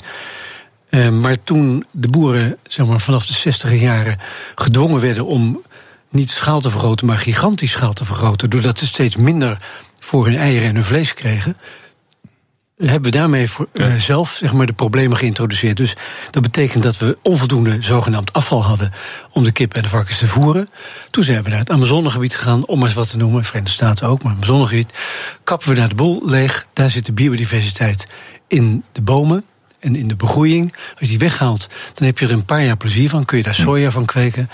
Dat voeren we dan de kippen. Daarmee importeren we een mineralenprobleem. Dat voelen we dan als verontreiniging. Dat zijn eigenlijk waardevolle grondstoffen. Maar doordat we er veel te veel van hebben, wordt het een probleem. En tegelijkertijd moeten we dan eh, een paar jaar later het volgende stuk Amazonegebied oppakken. Dus we dachten van dat moet niet gebeuren. We moeten terug. De toekomst is gewoon terug naar hoe het vroeger was. Namelijk de dieren voeden met datgene wat we over hebben. Bovendien gaan we dan minder dierlijk eiwit eten. En dat is ook beter voor ons. Dus wat eten die kippen? De kippen die eten uh, reststromen uit, de, uit bakkerijen, uh, alle andere instellingen, uh, waar crackers, brood, beschuit, nou, noem het maar op, verrijkt met, met eiwit uit andere afvalstromen optimaal, eh, zeg maar, door een diëtist van de Landbouwuniversiteit Wageningen samengesteld. Zodat ze optimaal voer krijgen, maar wel op basis van afvalstoffen die normaal gesproken weg zouden gaan. En hoe gaat het nu met kips? jullie zijn nu hoe lang bezig? Eh, de eerste boerderij is geopend eh, op 15 september vorig jaar. Ja. Nou, dat gaat echt, ja, eh, we hadden het gehoopt, maar ook eerlijk gezegd wel verwacht. Dat gaat zo goed dat de eieren voortdurend zijn uitverkocht. Um, we zijn alleen te koop bij Lidl, toch? zijn alleen te koop bij, bij Lidl. die hebben het lef gehad om hun nek uit te steken... om op basis van een mooi idee, zoals ik het nu net vertel... een contract te sluiten voor 40 miljoen eieren... en 125.000 haantjes en kippen... Ja zonder dat er nog maar een stuk grond was, vergunningen was, eh, boerderij, kippen, helemaal niets. Ze hebben ons het vertrouwen gegeven hm. en bovendien een contract waarbij de boer vijf jaar een gegarandeerd goed inkomen heeft. Nou, dat hebben ze lef gehad. En ja, zelfs bij Lidl vliegen ze al de deur uit. dus het loopt als een tierenlier. Ja. Dus wat er moet gebeuren is meer kipsters. Ja. Uh, wat zou. Um, wat, wat, wat, wat is de, de, de, het potentieel van kips op de Nederlandse markt? En misschien wel de internationale markt? Nou, we hebben voor Nederland hebben we het niet eens echt uitgerekend. We dachten laten we er eerst maar eens één uh, bouwen en dan kijken ja. ondertussen uh, waar we nummer 2, 3, 4, 5 kunnen neerzetten. Okay. Daar zijn we ook nu heel concreet mee bezig. Sterker nog, we hebben al een afzetcontract voor de volgende 40 miljoen um, eieren en, en de haantjes en de kippen. Met wie? Met een, uh, een grote afnemer die levert aan de cateraars in Nederland. In de, de restaurants uh, van, van bedrijven, maar ook van, van hotels en dergelijke. Hoe heet die? Ik mag hem nog niet noemen. Dat, gaat, dat gaan we echt heel binnenkort uh, bekendmaken. Want dat willen ze, dat, dat willen ze echt, uh, daar zijn ze trots op. Dat, maar, dus, dus, maar weer 40 miljoen eieren uh, per jaar? Is dat dan? Nee, dat is een contract voor vijf jaar. Voor vijf, dus, dus weer 40 acht. miljoen eieren. Ja. Uh, miljoen dat, per jaar. Dat, dat betekent dus uh, een nieuwe kipster erbij ergens. Misschien nog wel één, omdat de vraag zo groot is. Ja. Deze ene kipster die is alleen al goed, zou ik maar zeggen, voor die keiteraars. Dat betekent dat we daarnaast voor de uitbreiding in de supermarkten ook nog meer kipsters nodig hebben. En daarnaast is het zo dat we op het ogenblik praten met een hele grote ijsfabrikant. En dan gaat in ijs niet alleen melk, maar ook ei. Um, en met een gigagrote producent van mayonaise en sauzen. Daar gaan ook heel veel eieren in. Namen, namen. Wie ja, dan? Ik, Wie dan? ik, kan, Wie dan? ik kan nog niet. Ah. Het is, het is een bedrijf uh, wat op het ogenblik ook veel in het nieuws is, zal ik maar zeggen. Maar meer op dit moment niet over zeggen. het begint met een U en eindigt op uh, Nielever. Nou, het zou wel kunnen. dus Maar dan, uh, waar hebben we het dan over? Ben Jerry's. Dat zou, Unilever. dat, zou het, dat zou het ijs kunnen zijn. De mayonaise komt ook van een bepaald bedrijf. af. Ook, kijk, ja, oké. Dus het is, en dat gaat niet om één of twee kipsters. Nee, dat is heel veel. echt, dat gaat om tientallen boerderijen. En dan, ja, dan gaat het gewoon echt uh, flink vaart Oké, krijgen. dus uh, wanneer wordt de volgende geopend? Uh, wat mij betreft nog dit jaar. Maar daar is een probleem. Ja. Regelgeving. Ja. Jullie lopen vast op regels.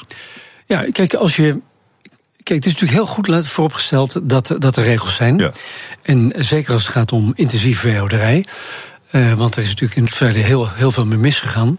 Alleen dreigt het zich af en toe een beetje zelf in de voet te schieten. Want als je, een, uh, als je van een afstandje kijkt naar een kipster. dan kun je constateren dat om te beginnen dat dierenwelzijn echt. U, u noemde het zelf net al, dat wakker dier nou ja. uit eigen portemonnee uh, reclamezendheid heeft gekocht om uh, Kipster en Lidl de hemel in te prijzen. Dat is echt zeer verrassend voor iedereen. Uh, dus dierwelzijn, daar is echt helemaal niets meer mis.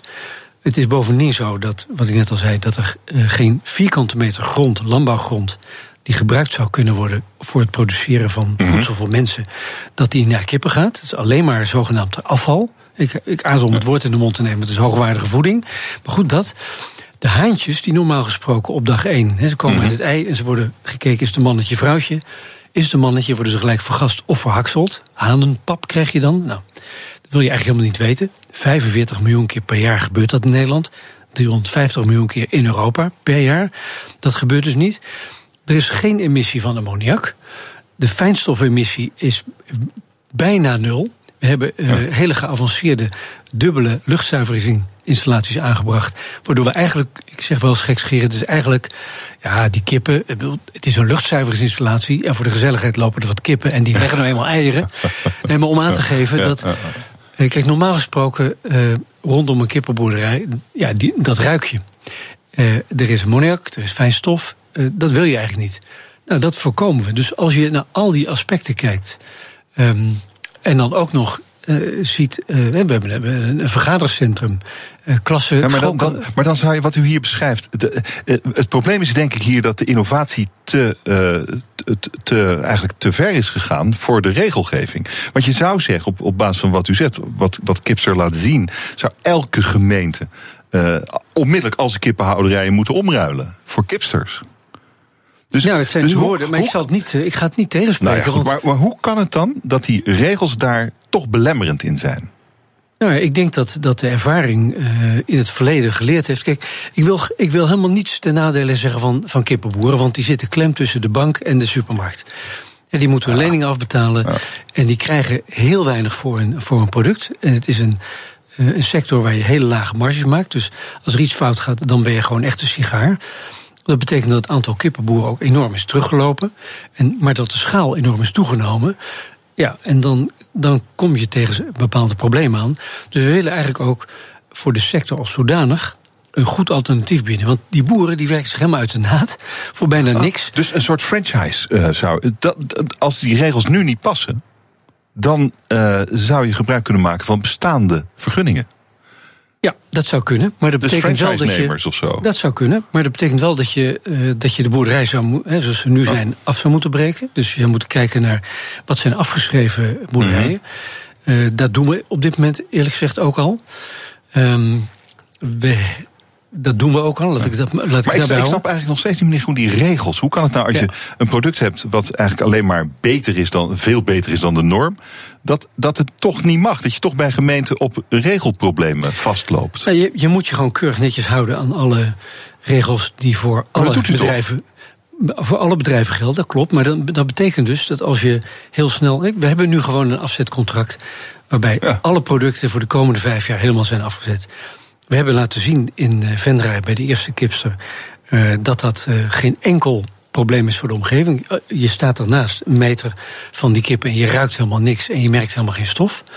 Het is op geen enkele manier een overlast. Ik vind eerlijk gezegd de kipster een sieraad in het landschap. Maar is architectonisch mooi Ik vraag nog een keer, hoe kan het dan dat zo'n gemeente u niet binnen de grenzen wil? Althans, niet nou, snel nee, genoeg. Nee, dat is, nee, maar niet snel genoeg. Ze willen ze heel graag, dat is grappig. Ze willen heel graag. We zijn met twee uh, gemeentes concreet bezig. Welke? Om te kijken uh, met Nijmegen en met uh, Haarlemmermeer. Okay. Allebei de wethouders, John Nedersticht van Haarlemmermeer en Aria Tiemens van Nijmegen, zijn zeer welwillend. Zijn ook mm -hmm. eens kijken bij de kipsel. Die hebben het uit eigen ervaring kunnen zien. Hun hele staf meegenomen. Maar ja, zij kunnen ook geen wettelijke ijzer met handen breken, zou ik maar zeggen. Maar is het de termijn of is het de aard van de regels? Nou, het is om te beginnen de termijn. En dan vervolgens, uh, ja, in meer dreigt dus op een gegeven moment zelfs een hele mooie effectrapportage voor het hele gebied te moeten maken, waar wij dan in zouden komen. En dat betekent dat een heleboel op termijn geschoven wordt. We kijken of we daar iets aan kunnen doen door op een andere, andere locatie te gaan zitten. Maar het is dus niet zo dat als je kan laten zien, jongens, dit klopt helemaal, ja. in elk opzicht, uh, vink het allemaal maar af. Ja, uh, hier is de vergunning. Dat, dat, dat, daar ben je echt uh, een, minstens een half jaar mee bezig. En, en, in de tussentijd dus blijven die contracten uh, bestaan, die nieuwe contracten, of zit daar ook een verlooptermijn op? Ja, daar zit een verlooptermijn op. Die willen gewoon eieren is, hebben. Ja, die willen liefst, liefst gisteren ja, eieren ja. hebben. Liefst gisteren eieren hebben. Dat is natuurlijk op zich heel fijn. Um, maar ja, um, dus we zitten. Ik weet dat, uh, dat, dat een van die wethouders heeft elke maandagochtend overleg met zijn staf. Eerste punt van het rennen, hoe gaat het met de kipster? Dus hij zit er echt enorm achteraan. Maar ja, hij heeft wel te maken met, uh, met regels. Kipster is eigenlijk maar een van de vele duurzame ondernemingen waar Maurits Schoen zich voor inzet. Zometeen horen we over zijn avonturen met Coca-Cola in Mexico. BNR Nieuwsradio. Kipster staat bekend als de diervriendelijkste, duurzaamste kippenhouderij ter wereld. En toch lopen ze aan tegen allerlei regels. Bij mij is uh, Maurits Schoen, een van de initiatiefnemers van uh, Kipster. Uh, u legt het net allemaal uit hoe dat zit. Er, er, is, er zijn nog, nog, nog meer problemen. Daar wil ik het zo over hebben. Maar eerst, u bent nu aan het zoeken in twee gemeenten of er een Kipster kan komen. Nou, misschien gaat dat wel lukken. Maar er is ruimte voor veel en veel en veel meer kipsters. Uh, wat is het potentieel in Nederland, maar misschien ook daarbuiten? Nou, ik denk in Nederland uh, dat er ruimte is voor tientallen kipsters. En in het buitenland ja, voor een groot veelvoud daarvan. Nou, er zijn in Nederland uh, in 2006, ik heb het even opgezocht vanmorgen, 920 legpluimveebedrijven. 920, die zijn er nu. Ja, ik denk dat die gemiddeld uh, 150.000 kippen hebben. Zoiets dergelijks. Er zijn, hm. Ik kan niet zo goed overrekenen, maar er zijn hm. 45 miljoen legkippen in Nederland. Nou, hm. reken maar uit. In de kipster zijn er 24.000, vier units van zes. Op een ruimte waar normaal gesproken 100.000 kippen zitten. Dus ze hebben vier keer zoveel ruimte. Um, maar ja. deel het maar. En je hebt natuurlijk een indeling in scharrel, vrije uitloop en biologisch. Nou, uh, officieel, dat is ook het merkwaardige over, geeft ook aan hoe, die, hoe daar ook de regelgeving echt een beetje achterloopt. Uh, officieel is het kipsterij een scharrelei, terwijl het eigenlijk in een veel opzichten beter is dan biologisch. Dat wil ik u voorleggen, want de, uh, het, nou ja, als wakker dier zegt dit, zijn, dit is het allerbeste. Uh, maar er staat toch die grote uh, roze 2 op het ei. En ja. die, uh, die staat dus voor. Dat is, wat is het? De laagste score eigenlijk die je in Nederlandse supermarkten ja. kunt hebben. Nou, dat is toch ook gek? Dat is bizar. Hoe kan dat dan? Ja, dat is echt bizar. Nou, er, er zijn ooit regels vastgesteld. maar die slaan totaal niet op. dat, het food-feed verhaal, wat ik net al zei. Dus dat, dat je afval voert aan de kip in plaats van maagdelijke grond uit het Amazonegebied, om even simpel te ja. zeggen. De haantjes, daar hebben we het helemaal niet over. We hebben het, we hebben het niet over de fijnstofuitstoot, de ammoniak. We hebben het niet over uh, wat gebeurt er met de uitgelegde kippen. En verdwijnen die uh, ingevroren uh, naar Afrika, zodat ze daar de kippenboeren uh, het brood uit de mond stoten. Um, wat gebeurt er met de mest? Hè, waardevolle grondstoffen. Nou, in de, in de kippensector is het gelukkig zo, in tegenstelling tot sommige andere dierlijke eiwitproducenten, dat het over het algemeen goed gebruikt wordt. Mm. Maar minder hoogwaardig dan, uh, dan zou kunnen.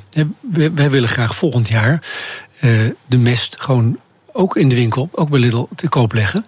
Zodat je dat voor je tuin en voor je balkon kunt gebruiken.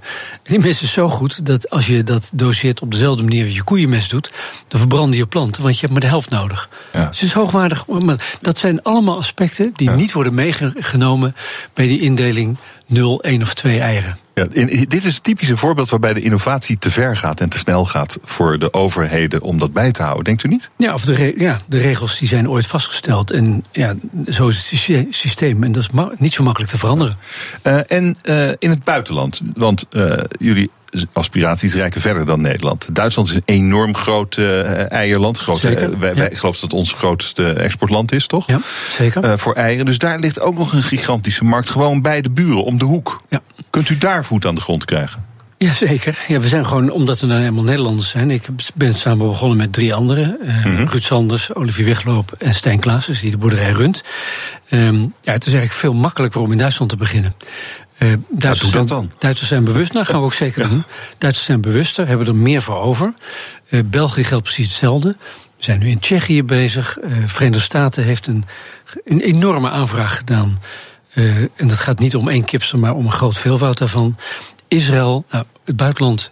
Gisteren werden er opnamen gemaakt voor de Franse televisie, de Engelse televisie langs geweest. Er is overal grote belangstelling, dus we hebben het echt best druk. Het is een kip met gouden eieren, dit. Nou ja, wat ik zeg, de, de, de eierhandel is, een, is geen makkelijke markt. Nee. Want de marge, dat is juist de oorzaak van veel problemen. Is, uh, de marges zijn heel klein, maar er ligt wel een enorme grote markt en er is heel veel verbetering mogelijk. Ja, jullie moeten opschalen om uh, ook de, de vrijste omzet, vrijste winst te halen. Want ja. is dat nu nog niet het geval? Ja. Maakt nou, jullie winst nu? Uh, we, we, maken, uh, als je het geconsolideerd neemt, dit eerste jaar, maar dan heb je natuurlijk heel veel aanloopkosten, hebben we nog geen winst gemaakt. Maar dit jaar gaan we gewoon heel bescheiden, maar gaan we, gaan we winst draaien. Ja. En vergelijkbaar met, uh, met de traditionele kipsector? Ja, zeker. Of beter? Nee, nee. Ik, denk, ik denk dat het ongeveer ja, ja. Ver, vergelijkbaar is. Ja. Um, we zitten tussen biologisch, 5 cent goedkoper mm-hmm. dan biologisch, merkwaardigerwijze. Terwijl het in veel opzichten beter is. En uh, duurder dan, dan uh, vrije uitloop, of dan, uh, dan Scharrel. scharreleieren. Ja. het is ook en we een zitten er een beetje midden in. systeem uit die ja. Um, nou, dus oké, okay, nou dit, dit gaat natuurlijk gewoon een keer gebeuren. Die kipsers die gaan er komen. Het duurt alleen te lang. Um, zou dit dan ook niet toepasbaar zijn op uh, varkens, bijvoorbeeld? Waar we er ook ongelooflijk veel van ik hebben. Ik denk het zeker. Kijk, varken, kijk, een varken is het symbool voor sparen. Waarom? Omdat we vroeger alles wat we over hadden en wat we anders weggooiden, dat aten die varkens op. In oktober, slachtmaand, werd er geslacht. Liepen alweer kleine biggetjes rond voor het volgende jaar. Een ideale manier om afval hoogwaardig te verwerken, zou ik maar zeggen. Ja, dat, daar moeten we weer naar terug. En uh, dat betekent waarschijnlijk dat we veel minder varkens gaan houden. Ook veel minder kippen gaan houden. Uh, en er moet een evenwicht zijn. Op dit moment uh, ja, plegen we roofbouw op de natuur. Weliswaar niet alleen hier, maar vooral ook in het buitenland. En ja, dat kan gewoon niet doorgaan. Dus we moeten eerst de boel op een andere manier bedenken en gaan uitvoeren. Maar ja, goed, bij, bij kippen is het ook. Ik geloof dat we in Nederland. Qua, nou, qua eieren. Ik geloof dat we 300% van maken van wat we hier nodig hebben. Toch? Ja. Uh, in de hele sector. Met varkens zal dat misschien ook wel zo Zeker, zijn. Ja. Verder het grootste gedeelte wordt geëxporteerd. Ja, dus daar zit, daar zit gewoon ook voor u handel. Varkenster, of ik weet niet hoe je dat zou moeten noemen. Heeft u plannen? we, we, denken over andere sectoren na. Maar we denken ook over alle andere producten na zelfs. Daar kan ik nu nog niet te veel over zeggen. Maar het is inderdaad zo dat daar veel verbetering mogelijk is nog. Ja. Dus u onderzoekt de mogelijkheden om dit concept toe te passen in de varkenshouderij? Wij denken daar inderdaad serieus over na, ja. Eh, eh, maar dat heeft nog niet geleid tot het oprichten van een onderneming bijvoorbeeld, of dat soort dingen, of een, eh, het aanvragen van vergunningen, dat soort. Nou, het, het, oprichten van kipsters in x landen en dan zulke grote aantallen, dat heeft wel een paar voeten in de aarde. En we hebben met de eerste kipster hebben een hoop geleerd. Nou, die lessen gaan we toepassen in de, in de volgende. U heeft net zelf al gezegd dat het ook vergunningstechnisch en, en hmm. financieringstechnisch uh, nog niet zo heel eenvoudig is. Je moet eerst zorgen voor een contract voor de afzet. Dat is, dat is ons uitgangspunt. Dan moet je, dat je, moet je hem realiseren. Dan is de financiering goed te doen. Maar dan gaat het echt om uh, forse bedragen. U heeft, uh, uh, ik zei serieondernemer aan het begin van ons gesprek. U heeft nog een paar andere dingen gedaan. Natuurlijk, die wakker wakkerlamp is daar misschien wel de beroemdste van. Uh, licht in ontwikkelingslanden, als ik het even heel simpel mag zeggen. Ja. Ehm, u bent ook allerlei dingen aan het doen, ook weer met, met licht. Uh, bij Coca-Cola in Mexico. Ja, grappig, ja. Ja, um, Antonio Vega, uh, een van de oprichters van het Mexicaans-Amerikaanse bedrijf Energetica, uh, combineert uh, extreme energiebesparing dankzij slimme ledverlichting met allerlei sensoren die werkelijk alles wat je maar zou willen weten kunnen meten, waardoor uh, besparingen optreden op het gebied van energiegebruik, maar ook er efficiënter gewerkt gaat worden, minder ongelukken gebeuren. Nou, daar kan ik, daar kan ik alleen al een uur mee vullen. Um, een ziekenhuis in Chicago met deze apparatuur uitgerust, overigens geen cent zelf geïnvesteerd, omdat de rendement op de besparing zo groot is dat dat gewoon meegenomen kan worden en het ziekenhuis niet zelf hoeft te investeren, bespaart nu elk jaar 20 miljoen dollar. En we zijn nu bezig. Deze maand gaan we een contract tekenen met een uh, Nederlands uh, ziekenhuis. Um, ook dat ziekenhuis hoeft geen cent te investeren, uh, gaat gelijk besparen en gaat beter werken. En, maar het zijn ledlampjes. Ja, Met sensoren. Ja, ja. ja. Kijk, om als je ledverlichting hebt, dan heb je gelijk stroom. Ja. Uh, dat betekent dat je. Ja. ja. maar je hebt een elektriciteitsleiding. Oh, zo, dus je hoeft niet een aparte leiding aan te leggen. Die ledverlichting die gaat 20, 25 jaar mee. Die sensoren ook. Dus je hoeft nooit meer onderhoud te plegen. Je hoeft nooit meer iemand naar boven te sturen. Je kunt uh, inspelen op de vernieuwing die je ongetwijfeld hebt bij de, bij de technologische ontwikkeling. Dat kun je doen vanaf je telefoon of vanaf je laptop. Uh, je kunt werkelijk alles meten wat je maar wil. Het maar waarom, zou je dat, waarom zou je dat willen? nou, een ziekenhuis bijvoorbeeld, heel simpel. In een ziekenhuis is gemeten gemiddeld één uur per dag, 15% van de werktijd, is een verpleegkundige kwijt met het zoeken van mensen en spullen. patiënten en apparatuur. Ah, oké. Gemiddeld 10 tot 15% van de apparatuur in een ziekenhuis wordt niet gestolen, maar raakt wel zoek dus iemand is weg op vakantie, legt het ergens neer, weet het niet meer precies. Dat gaat op dure spullen. Het gaat om heel veel geld. Op het moment dat je dat exact kunt traceren en er precies naartoe kunt lopen, dan bespaar je tijd.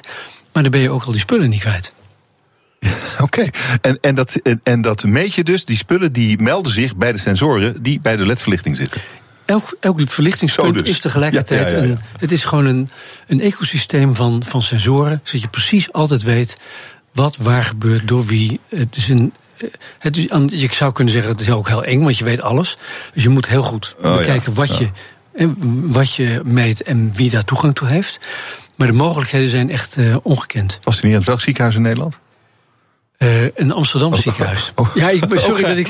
Dat ik, dat ik er komen binnenkort op elk van die terreinen. Komen, okay. wakker Wakker bijvoorbeeld. We gaan volgende week een grote nieuwe financieringsronde. 2,5 miljoen. Want het gaat, het gaat goed. Uh, we liggen inmiddels in, uh, nou, tot en met zelfs, u noemde Afrika, uh, Latijns-Amerika, ja. Zuidoost-Azië. Daar hebben we het voor opgericht, voor mensen die niet op het stroomnet zijn aangesloten. Maar we hebben wij hebben ontdekt, eigenlijk moet je omzeggen, omgekeerd zeggen, dat de outdoormarkt in Verenigde Staten, Japan, Australië, Europa, die heeft ons ontdekt. Dus we liggen inmiddels in bijna 700 winkels. En dat aantal neemt snel toe. En daarmee financieren we voor een deel de operatie in in uh, off-grid gebieden. En wat, en wat gebeurt er dan volgende week? Nou, dan gaan we eh, bekendmaken via welk platform we die 2,5 miljoen euro gaan uh, ophalen. Nog kun je, ruim. Kun je aandeelhouder worden van Wakker Wakker. Ja, echt. Hartelijk dank uh, voor dit gesprek. Maurits Groen, duurzaam ondernemer, initiatiefnemer, mede-initiatiefnemer van Kipster. Hartelijk dank. Dank u. BNR Nieuwsradio. Hemmen. Hemmen. De beslissing van Unilever om zijn hoofdkantoor naar Rotterdam te verhuizen is prachtig nieuws voor Nederland, vindt het kabinet. Wat vinden wij in de kantine? Zo direct. De kantine.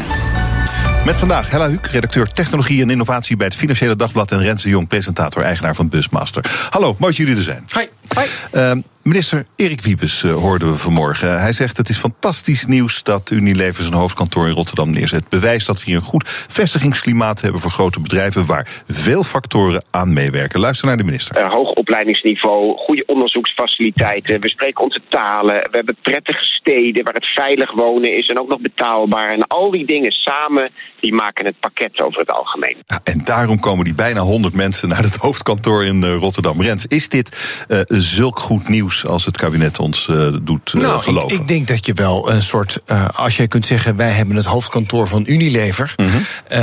ik, het, het, een van de grootste voedselbedrijven ter wereld. Ik denk dat dat niet slecht is voor je. En we ik hadden denk, het al.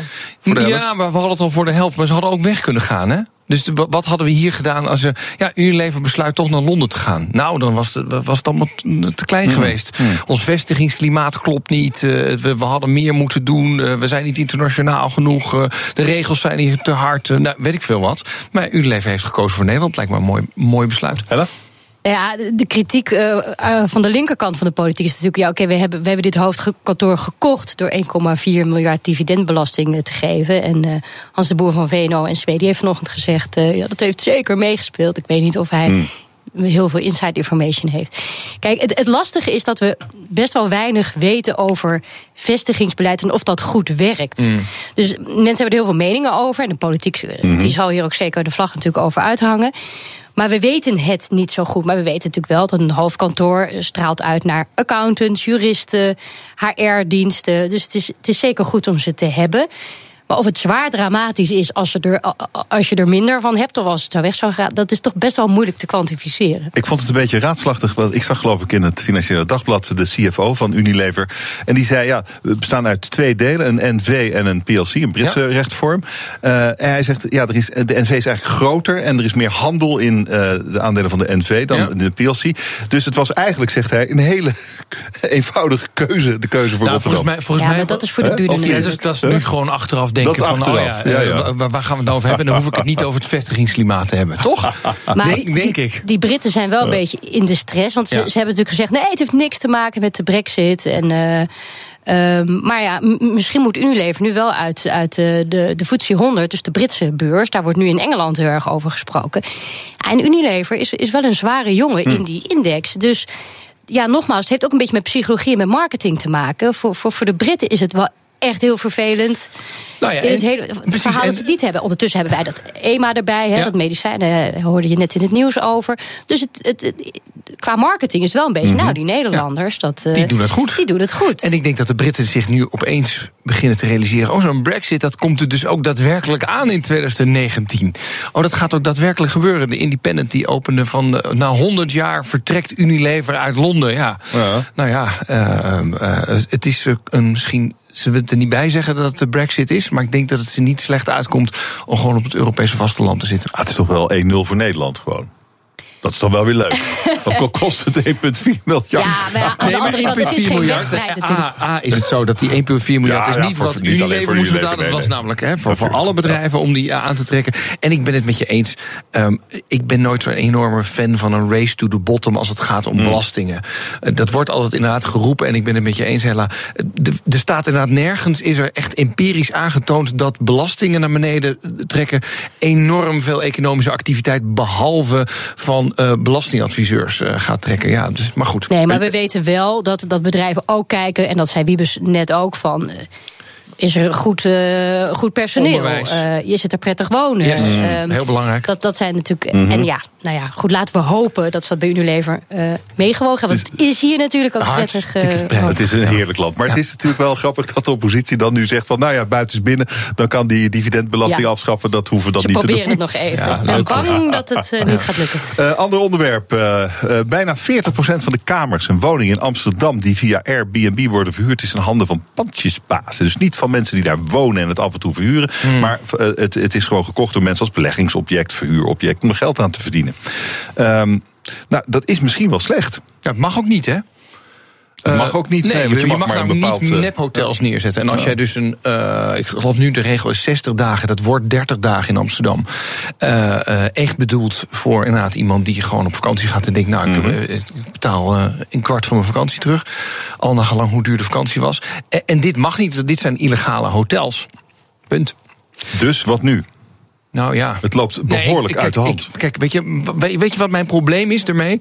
Is aan de ene kant inderdaad, je moet, je moet nephotels, moet je gewoon, eh, die moet je aanpakken en dat moeten echt hotels worden. En daar moet een vergunning voor verleend worden, et cetera. Dat staat allemaal in reglementen. Waar ik een probleem mee heb, bijvoorbeeld met de PvdA hier in Amsterdam, die wil eigenlijk, kijk, er wordt hier in Amsterdam ruim baan gegeven aan hotels. Hier op een steenworp afstand zien we die torens omhoog gaan. En de gemeente wil graag al die grote investeerders erbij hebben om te zeggen: ja, dat gaan we doen. Als er dan een paar Amsterdammers zijn, en best wel wat Amsterdammers, die. En dat lijkt me ook goed om dat 30 dagen per jaar te doen. Hun woningje uitvuren om een beetje geld bij te verdienen. Dan mag dat allemaal niet. Liever heeft de PvdA dat we dan zeg maar in die hotels gaan werken. tegen een hongerloontje om die bedden op te maken. Nou, ik heb liever dat we gewoon iets meer zelf geld verdienen. Ja, ja, het is niet alleen in Amsterdam, het is het hele land. Ja. Alle, alle steden, alles wat, met, met, waar een beetje spanning is Ja. op, op de woningmarkt. Het is, dat is bijna overal. Daar zie je dit. Ja, ja het- en het begon natuurlijk zo romantisch. Hè? Ik, bedoel, ik weet nog wel de, bij, bij RTL Nieuws dat- we de eerste verhalen over Airbnb gingen maken. En dat was dan zo, zo gezellig, echt in een andere lokale. Ja, dan zo kwam, je, zo kwam je echt zo bij iemand thuis. En die, Ja, en, die, ja. en die had dan nog de wijn voor je klaargezet. En die wilde weten hoe het dan in jouw land was. Nou ja, dat is natuurlijk wel helemaal vanaf. Gewoon Maar business. nu. ja, precies. En het is natuurlijk, ik bedoel, ja, zijn dit dan hotels? Dit, dit zijn inderdaad mensen met meerdere huizen die het natuurlijk compleet commercieel uitnutten. Aan de andere kant stond er gisteren een fantastisch artikel in de Financial Times over, over eh, de hotels, hoe goed ze het doen. Ze zijn ook wel weer, ze worden ook wel innovatief hiervan. Want eh, ja, eigenlijk eh, zitten de hotels goed vol. En gaan ze ook weer met hele nieuwe concepten aan de gang. Dus eh, echt een hele gave bar neer te zetten en een enorme loungeruimte. En Ja. weet je, er weer iets anders van te maken. Dus trekt op ons zich- wel weer terug, zeg maar, richting de hotels. Toch? Ja, het, het gaat goed met ze. Nou gaat die hele economie natuurlijk, Ja, ja. eh, natuurlijk Maar ja, goed. Probeer maar eens een huurwoning te vinden nu als eh, starter op de woningmarkt. Dat, dat wordt je natuurlijk wel door dit soort dingen ook heel moeilijk gemaakt. Ja, maar dat is. Weet je wat ik me daar nou aan erger? Is dat iedereen zich het recht toe-eigent om in Amsterdam te moeten wonen. Weet je hoe mooi Bussum is? Bussum.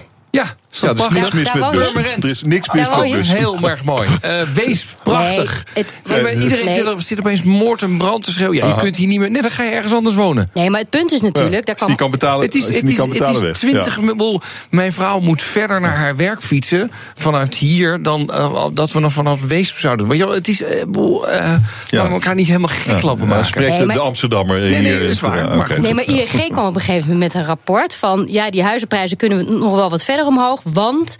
eh, je kunt je, Je kunt huisje vervieren ja. via Airbnb. ja, dat wordt toch ook Ja, een beetje qua wat je qua lasten aan moet gaan met je hypotheek. En dat er Nee, ook wel eens een keer weer een bubbel zou komen. Ben ik met je eens, maar dat is, dat is vooral het eigen risico wat mensen lopen. Die gaan ondernemertje spelen en daarna denken, nou, dan, dan, dan kan ik het net wat hoger betalen. Maar dat zijn toch risico's die mensen zelf nemen? Ja, absoluut. Maar er worden natuurlijk ook een beetje gelokt door dit soort. eh, oh, je kunt prima dit huis kopen, want dan ga je toch een stukje Airbnb. Ja, ja, ja, ja. Ik denk wel dat het afvlakt. De regelgeving wordt toch wel strenger. Airbnb zegt dat zelf ook. Van ja, we, we zullen niet meer zo stormachtig groeien als dat de afgelopen jaren is. eh, Jongens, hashtag MeToo heeft de Tweede Kamer bereikt. Mm. Eh, zijn woordvoerder van GroenLinks in de Tweede Kamer ontslagen na seksueel wangedrag. Er was een rechtszaak over geweest. Eh, het, het probleem hier is een beetje, niet zozeer misschien dat ontslag, eh, maar hij had nog een tweede kans gekregen, Mm. Hella. Is- Ik, het verhaal is dat hij een stagiaire, eh stereotype, een stagiaire had lastig gevallen. eh, kerstfeestje gevierd met, de met eh, de medewerkers van GroenLinks. Vervolgens naar een café gegaan. De vrouw ontdekte dat er geen treinen meer reden. De man bood aan, blijf je toch lekker bij mij slapen. En eh, had daar vervolgens een hele eigen gedachte bij. Die zij niet met hem deelde. Dus dat werd gedoe. Ja, Hij probeerde ja, ja. haar te kussen. Zij wilde dat niet. Ze ging met eh, de personeelsfunctionaris van de fractie praten. En zo kwam het balletje aan het rollen. Hij kreeg een waarschuwing. Wat had hier moeten gebeuren, denk jij? Nou, ik denk dat het. Als het ook nog tot een rechtszaak moet komen. en je zegt als politieke partij er helemaal verder niks over. dat vind ik eigenlijk nog het allerraarste. Nou, Jesse Klaver hebben we toch gehoord. Dat Ja, maar hallo, die rechtszaak was in december. Ja, maar dat was Ja, in december, hè? Dus je hebt de moral Oh, high ja, ground ja, zitten ja, te spelen Ja, ja. over van alles. En Ja, dit ja, probeer je ergens... Nou, nou, niemand merkt het. Ja, ja, dat is het ergste. Ja. Ja, dat vind ik wel, ja. Want ik vind het wel heel lastig om dat in te. je- Nou ja, dat vind, dat vind ik namelijk wel echt een hele lastige Dat hangt er wel mee samen, hè, met het niet- onder, onder, onder, de, onder het vloerkleed moffelen. Die tweede kans, Ehm, denk ik. ja, kijk. Je kan, ik, die, die feiten vind ik dan heel lastig om. om dan denk ik, ja, dat, dat is dan Hmm. die afweging geweest. Dat is één ding. Misschien had hij de laan uitgestuurd moeten worden, eh, misschien, misschien ook niet. Maar ja. als die dame dus doorzet en het wordt een rechtszaak en je gaat, als, eh, en je gaat dat verder niet. eh, ja, dan, dan daar hadden ze opener in moeten zijn. Maar wat hadden ze dan moeten doen? Die woordvoerder die werkt daar in de Tweede Kamer. En moet GroenLinks, moet die woordvoerder dan gaan zeggen: Ja, ik ben onderwerp van een eh, rechtszaak. Ik heb, ben beschuldigd van. eh Ja, maar die zit dan wel thuis, gaat- toch? Als je een rechtszaak Ja. tegen je hebt loopt voor ontslag. ik denk wel als iemand in zo'n Hij zaak. was in de tussentijd wel weer aan het werk. Oh ja? Ja, Oké. nou ja, dan, dan is denk is ik op non-actief ja. zetten wel het meest Ja. neutrale. Hè? Van nou, dan laten we het recht spreken, kijken wat de rechter zet. En tot, maar tot die tijd Oh. Zien we je even niet hier. Maar, maar jullie zeggen alle twee meteen toen het zich had voorgedaan, eigenlijk bekendmaken. Ja, ik vind, Ja, het is lastig, maar omdat, omdat GroenLinks zelf natuurlijk ook. eh, eh, Zo'n dossier waar ze zich natuurlijk erg op Ze hebben zich erop geprofileerd. Wel, Jesse Klaver hoor je het een en ander zeggen... eh, van jongens, dit kan echt niet en daar moeten we paal en perk aan stellen. Ja, als het dan zelf overkomt, maar dat je daar dan bij... ik zag hem bij Umberto zitten, eh, met een snik in de keel. Ja, ik vind het ook heel erg. Ik denk, ja, vriend. Eh, eh, eh, Beetje te laat. Een beetje laat, hè?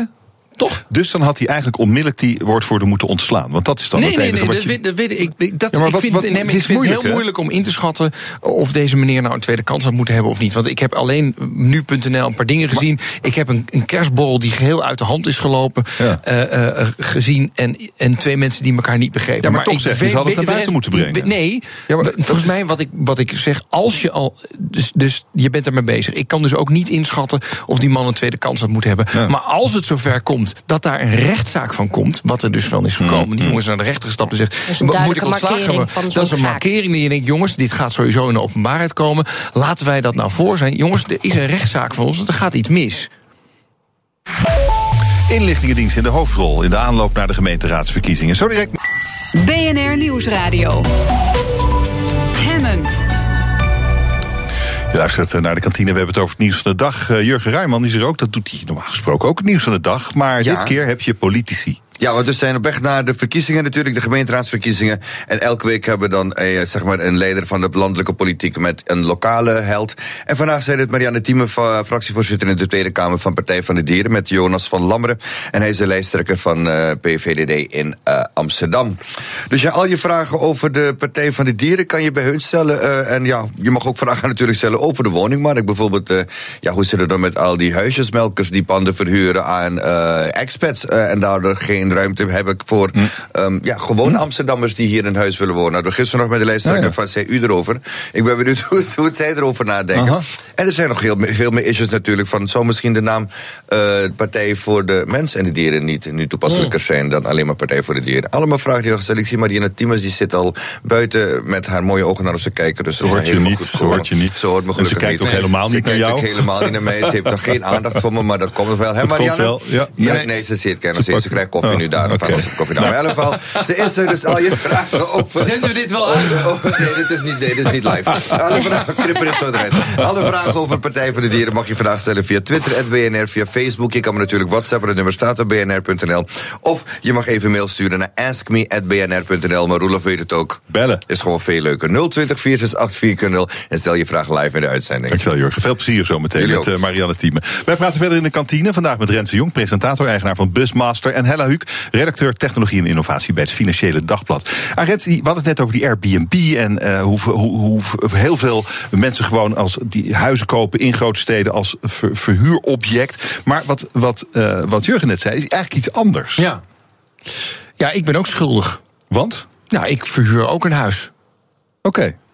En waar ben je dan schuldig aan? Nou ja, omdat al, die, al, die, al die partijen die zeggen: ik haal, ik haal een woning uit de markt. die bestemd was voor echte Amsterdammers. Oké, aan wie Ja, verhuur jij eh, dan? ja, het gaat over expats. Ja. Ja. Ja. want die betalen meer. Die betalen meer. Ja, wat doe je dan Nee, maar verkeerd? het, het zijn, nou ja, volgens, volgens, volgens, volgens de linkse partij ben ik een enorme extreme woekeraar. En die echt ongelooflijk slecht is voor de stad. En ik, ik moet eerlijk zeggen, ik ben een ZZP'er die op een of andere manier rendement schijnt op te moeten bouwen voor een pensioen. En sowieso voor de Belastingdienst die verwacht dat ik 4,6% rendement maak. Ik heb uitgerekend, ik maak op dat huis maak ik eh 5,5% rendement.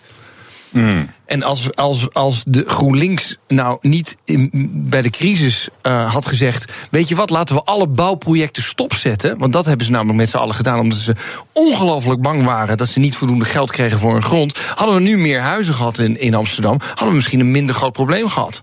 En wat je ziet is gewoon dat geld zoekt rendement. En een beetje, in mijn geval, ik heb geen zin om te beleggen. Sterker nog, het mag niet eens van BNR dat ik in aandelen beleg. Ja, ja nou ja, dit is een optie. Maar ik word er niet gierend rijk van. Hm, dat doe je misschien niet verkeerd. Ja, maar zou de huur omhoog moeten voor die, voor die, ja, waar doe die, je dat dan voor niet? die Grieken die bij mij zitten. Ik, Maar ik wou dat ik het had, zeg, een huis of een paar huizen. Want het mooie van vastgoed is, je hoeft eigenlijk niks meer te doen. Nou, dat, dat zou, nou, goed, ik ben dus echt een beginnend. Ik heb er maar één. hè. Ik heb mijn oude huis gewoon niet verkocht. Ik zal je vertellen, het is 105 vierkante meter, 1800 euro in de maand betalen ze aan mij. Ah. Het is geheel gemeubileerd. Ik vind het niet heel slecht, maar goed, het kan. Eh, en het, het zeker eens in de maand sta ik wel daar op de stoep een kraan aan te draaien, Griekse haren uit het toiletputje te halen, eh, eh, de, de bel te repareren. En hij, hij doet het weer niet. Dus ik moet. er, zijn, er zijn andere manieren. Maar goed, nou ja. Je hebt een servicedienst nodig. Meer panden, meer Ja, panden. ja, maar goed, het, ja, het- ik, het- ik erger me er soms wel aan dat de politiek heel makkelijk kan zeggen: ja, en nou gaan we hun weer pakken. Hmm. eh, jongens, het is, eh, dit had je al enorm kunnen voorspellen toen die rentes naar beneden gingen. Toen ze niks hebben bijgebouwd. Eh, eh, de overdrachtsbelasting is naar 2% gegaan. Ja, Maar je hebt natuurlijk niet constante bezetting. Dus permanent verhuren wil je dan niet voor een jaar? twee, of voor jaar, twee jaar. Ze vuren, ik vuur Oh, je twee vuurt jaar. het voor twee jaar. Ja. Oh ja, oké. Ja. Dus ik ben, geen, ik ben niet in overtreding en het is geen Airbnb. Maar goed, dat had toch ook iemand, een ja. Nederlands iemand kunnen zijn? Dat in had prima een Nederlands iemand kunnen is zijn. toch gewoon eigenlijk gewoon een huurcontract? Maar die hoeft Ja, maar je wordt dus meteen zo. ja, ik voel me dus persoonlijk aangevallen. Je wordt meteen in de hoek gezet als van. Ja, belachelijk. En jij, ja, nou ja. Rens de pandjesmaas. Ja, zo gaat dat. Ja, mooi man. Laten we het over inlichtingendiensten gaan hebben. Eh, Hella, VVD, D66 komen met een voorstel om duidelijker vast te leggen wanneer eh, zero days door inlichtingendiensten gebruikt mogen worden. Dat zijn zero days, eh, je, je weet het, lekken in software eh, die nog niet bekend zijn, maar wel bij die inlichtingendiensten. Ja. Lekker handig. Kunnen ze nogal meer eh, dingen doen om nou ja, dingen in de gaten te houden? Nou, en waarom is er zo'n discussie over dat, dat, als dat als dat gat in die software er is, ehm, hoe weet je nou zeker dat die criminelen of die terroristen dat ook niet weten? Hè? Dus dat is inderdaad van we houden het lekker voor onszelf, we zeggen het niet Hmm. tegen die fabrikant. Ja, daar maak je, daar, je hebt wel een risico. Want als er ergens een achterdeurtje open is, waar een veiligheidsdienst in kan. Dan kan iedereen er dus in. En dan Aha. doe je dus de aanname dat jij de slimste van het stel bent. Dat jij de enige bent die het weet. Dat is wel een gevaarlijke aanname. Want er zijn meer slimmers op de wereld. Dus ik snap Ja, ja, eh, de discussie van... Hmm. ja, dat moet je wel melden aan die fabrikant. Wat denk jij, Rent? Ja, ik ben het daarmee eens. Eh, het is, eh, ik heb een keer eh, de, de oud-directeur van de NSA mogen interviewen. De Amerikaanse veiligheidsdienst en vooral de spionage. Mhm, jongens, hè. de, de, de voormalig werkgever van Edward Snowden. Michael Hayden interviewde ik. En ik vroeg hem inderdaad naar, naar die zero days. En ik zeg, hoeveel, hoe, hoe, hoeveel deelt u dat? Ik zei, nou, van de 100 zero days delen wij er 90. eh, eh, met, als we die vinden. en 10% dat houden we voor onszelf. Eh, ja, nou ja, en, en je, je denkt bij jezelf, ja, hoezo? Maar dat gaat er dus om dat bijvoorbeeld, eh, je hebt die hele, dat hele verhaal gehad met Apple, die niet wilde dat de FBI zijn telefoon openbrak. Eh, en, en die zei: nee, wij, de, de, eh, wij vinden het belang van onze klant belangrijker dan uw opsporingsbevoegdheid. En ja, en de overheid denkt toch wel van ja, alles gaat digitaal. Dus ik wil overal achterdeurtjes hebben. Dus die gaan dat dan inderdaad niet melden. Die telefoon is wel gekraakt uiteindelijk. Ja. Ja. Ehm, Oké, is het goed of slecht? Nou, ik, ik, ik weet het ook niet. Houden jullie je überhaupt Nou- heel erg bezig met het referendum wat eraan zit te komen in Nederland? Ja, Toch wel? ja, ik wel, ja. Ja. En wat ga jij stemmen? Ik ga tegenstemmen. T- eh, dus tegen, Tegen de nieuwe wet. in- Tegen de wet. En wat is je grootste probleem? Omdat ik denk dat ehm, het, het eigenlijk nog een eh berg hooi op een speld is. Dus ik heb er weinig fiducie in dat het belastinggeld dat hiervoor uitgetrokken wordt. Ehm, ook echt voor gaat zorgen dat wij eh, meer terroristische aanslagen voorkomen. Eh, o- omdat we namelijk eigenlijk heel weinig cases hebben om op te zoeken. Als je naar artificial intelligence en zo kijkt. Wat Facebook doet met, eh, met gezichtsherkenning en zo. Daar gaan dus miljarden gezichten doorheen. En dan kan die software dat leren. Maar met die aanslagen heb je eigenlijk te weinig input om daar echt een goede lijn uit te, ah, jouw twijfels zijn meer halen. van technische aard eigenlijk. Nou, of, of- of- of- ik heb, nou, ik ben niet de enige hoor, want de Wetenschappelijke Raad voor Regeringsbeleid heeft, eh, heeft kritiek, eh, Raad van State heeft kritiek over, over de effectiviteit uiteindelijk van die, van die wet. En jij, Rens? Nou, ik, waar ik me zorgen over maak is zeg maar de governance erachter. Dus er wordt gezegd van ja, wij eh, eh, we doen dat alleen maar als, hè, net zoals als je een inval doet bij een, eh, bij een huis, dan gaat de rechtercommissaris geloof ik zeggen ja, dat mag. En dat, en dat, dat zijn dezelfde regels. Alleen ehm, wat je wel hebt gezien is als dat zo open staat. Het is natuurlijk, kijk, als jij een huis binnenramt. Nou ja, god, dan, dan zie je de splinters wel. Maar als jij software binnenkomt of als jij dit op gaat halen, niemand merkt dat dat gebeurt. Dus het, het gevaar voor misbruik is veel groter. Het- ik weet niet of je het boek van Edward Snowden hebt gelezen. Maar daar staan voorbeelden in dat mensen inderdaad hun vriendin aan het uitchecken zijn. En allerlei andere dingen aan het uitchecken. Omdat ja, de controle was daar niet heel groot op. En het feit dat je het doet, je laat niet echt een spoor achter. En de vraag is dan even: moeten we daar niet veel secuurder mee omgaan? Eh, en, en dat zie ik niet heel erg. Dus of daar hoor ik niet zo heel veel over. En het tweede is, ik vind het toch wel eng dat je het. Ik, waarom moet dat nou drie, geloof drie jaar, hè, drie jaar bewaard worden? Terwijl in drie jaar kan er heel veel veranderen. En kan je dus ook een andere regering krijgen die andere, a- andere eh, eh, maatstaven erop nahoudt. Ik vind dat. dat, dat, dat It creeps up a little bit. Maar aan de andere kant zeggen, ja, jongens, we zitten in een wereld die steeds meer cyberoorlogen doet. Eh, wij mogen Nee, niemand er terughacken, et cetera. Maar ja, dus dat da- die- je dat moet echt wel iets, moet je moet wel iets hebben. Eh, dus daar ben ik het ook wel mee eens. Maar ik denk dat er misschien een verbeterde versie die ons een beter gevoel kan geven. Dus jullie gaan beide tegenstemmen op 21 maart. Ben er bang voor, ja. Het maakt niks uit, hè? Maakt helemaal niks uit, Nee. want eh, de Tweede Kamer was met grote meerderheid voor de Eerste Kamer. D66 was nog tegen, maar heeft nu een enorme draai gemaakt. Ik eh, blijf, Dus ik, ik zie dat niet eh, ik, wijzigen. nee. ik, ik blijf me bezighouden. Morgen komt hier Onno Eigelsheim eh, langs. Hij is directeur van de Militaire Inlichtingen en Veiligheidsdienst. En eh, dit deel van ons eh, gesprek zal ik hem zeker gaan voorhouden. Het is tijd om de kantine te gaan sluiten. waar? Dankjewel, Hella Huut, redacteur melk nog, ja? technologie. Ja, ze kan nog net. En innovatie bij het. Financiële Dagblad. Rens de Jong, presentator, eigenaar van Busmaster. Dank jullie zeer. Dit was het voor vandaag. Morgen dus de baas van de MIVD. En eh, nu Jurgen Ruijman met Ask Me Anything. Dag.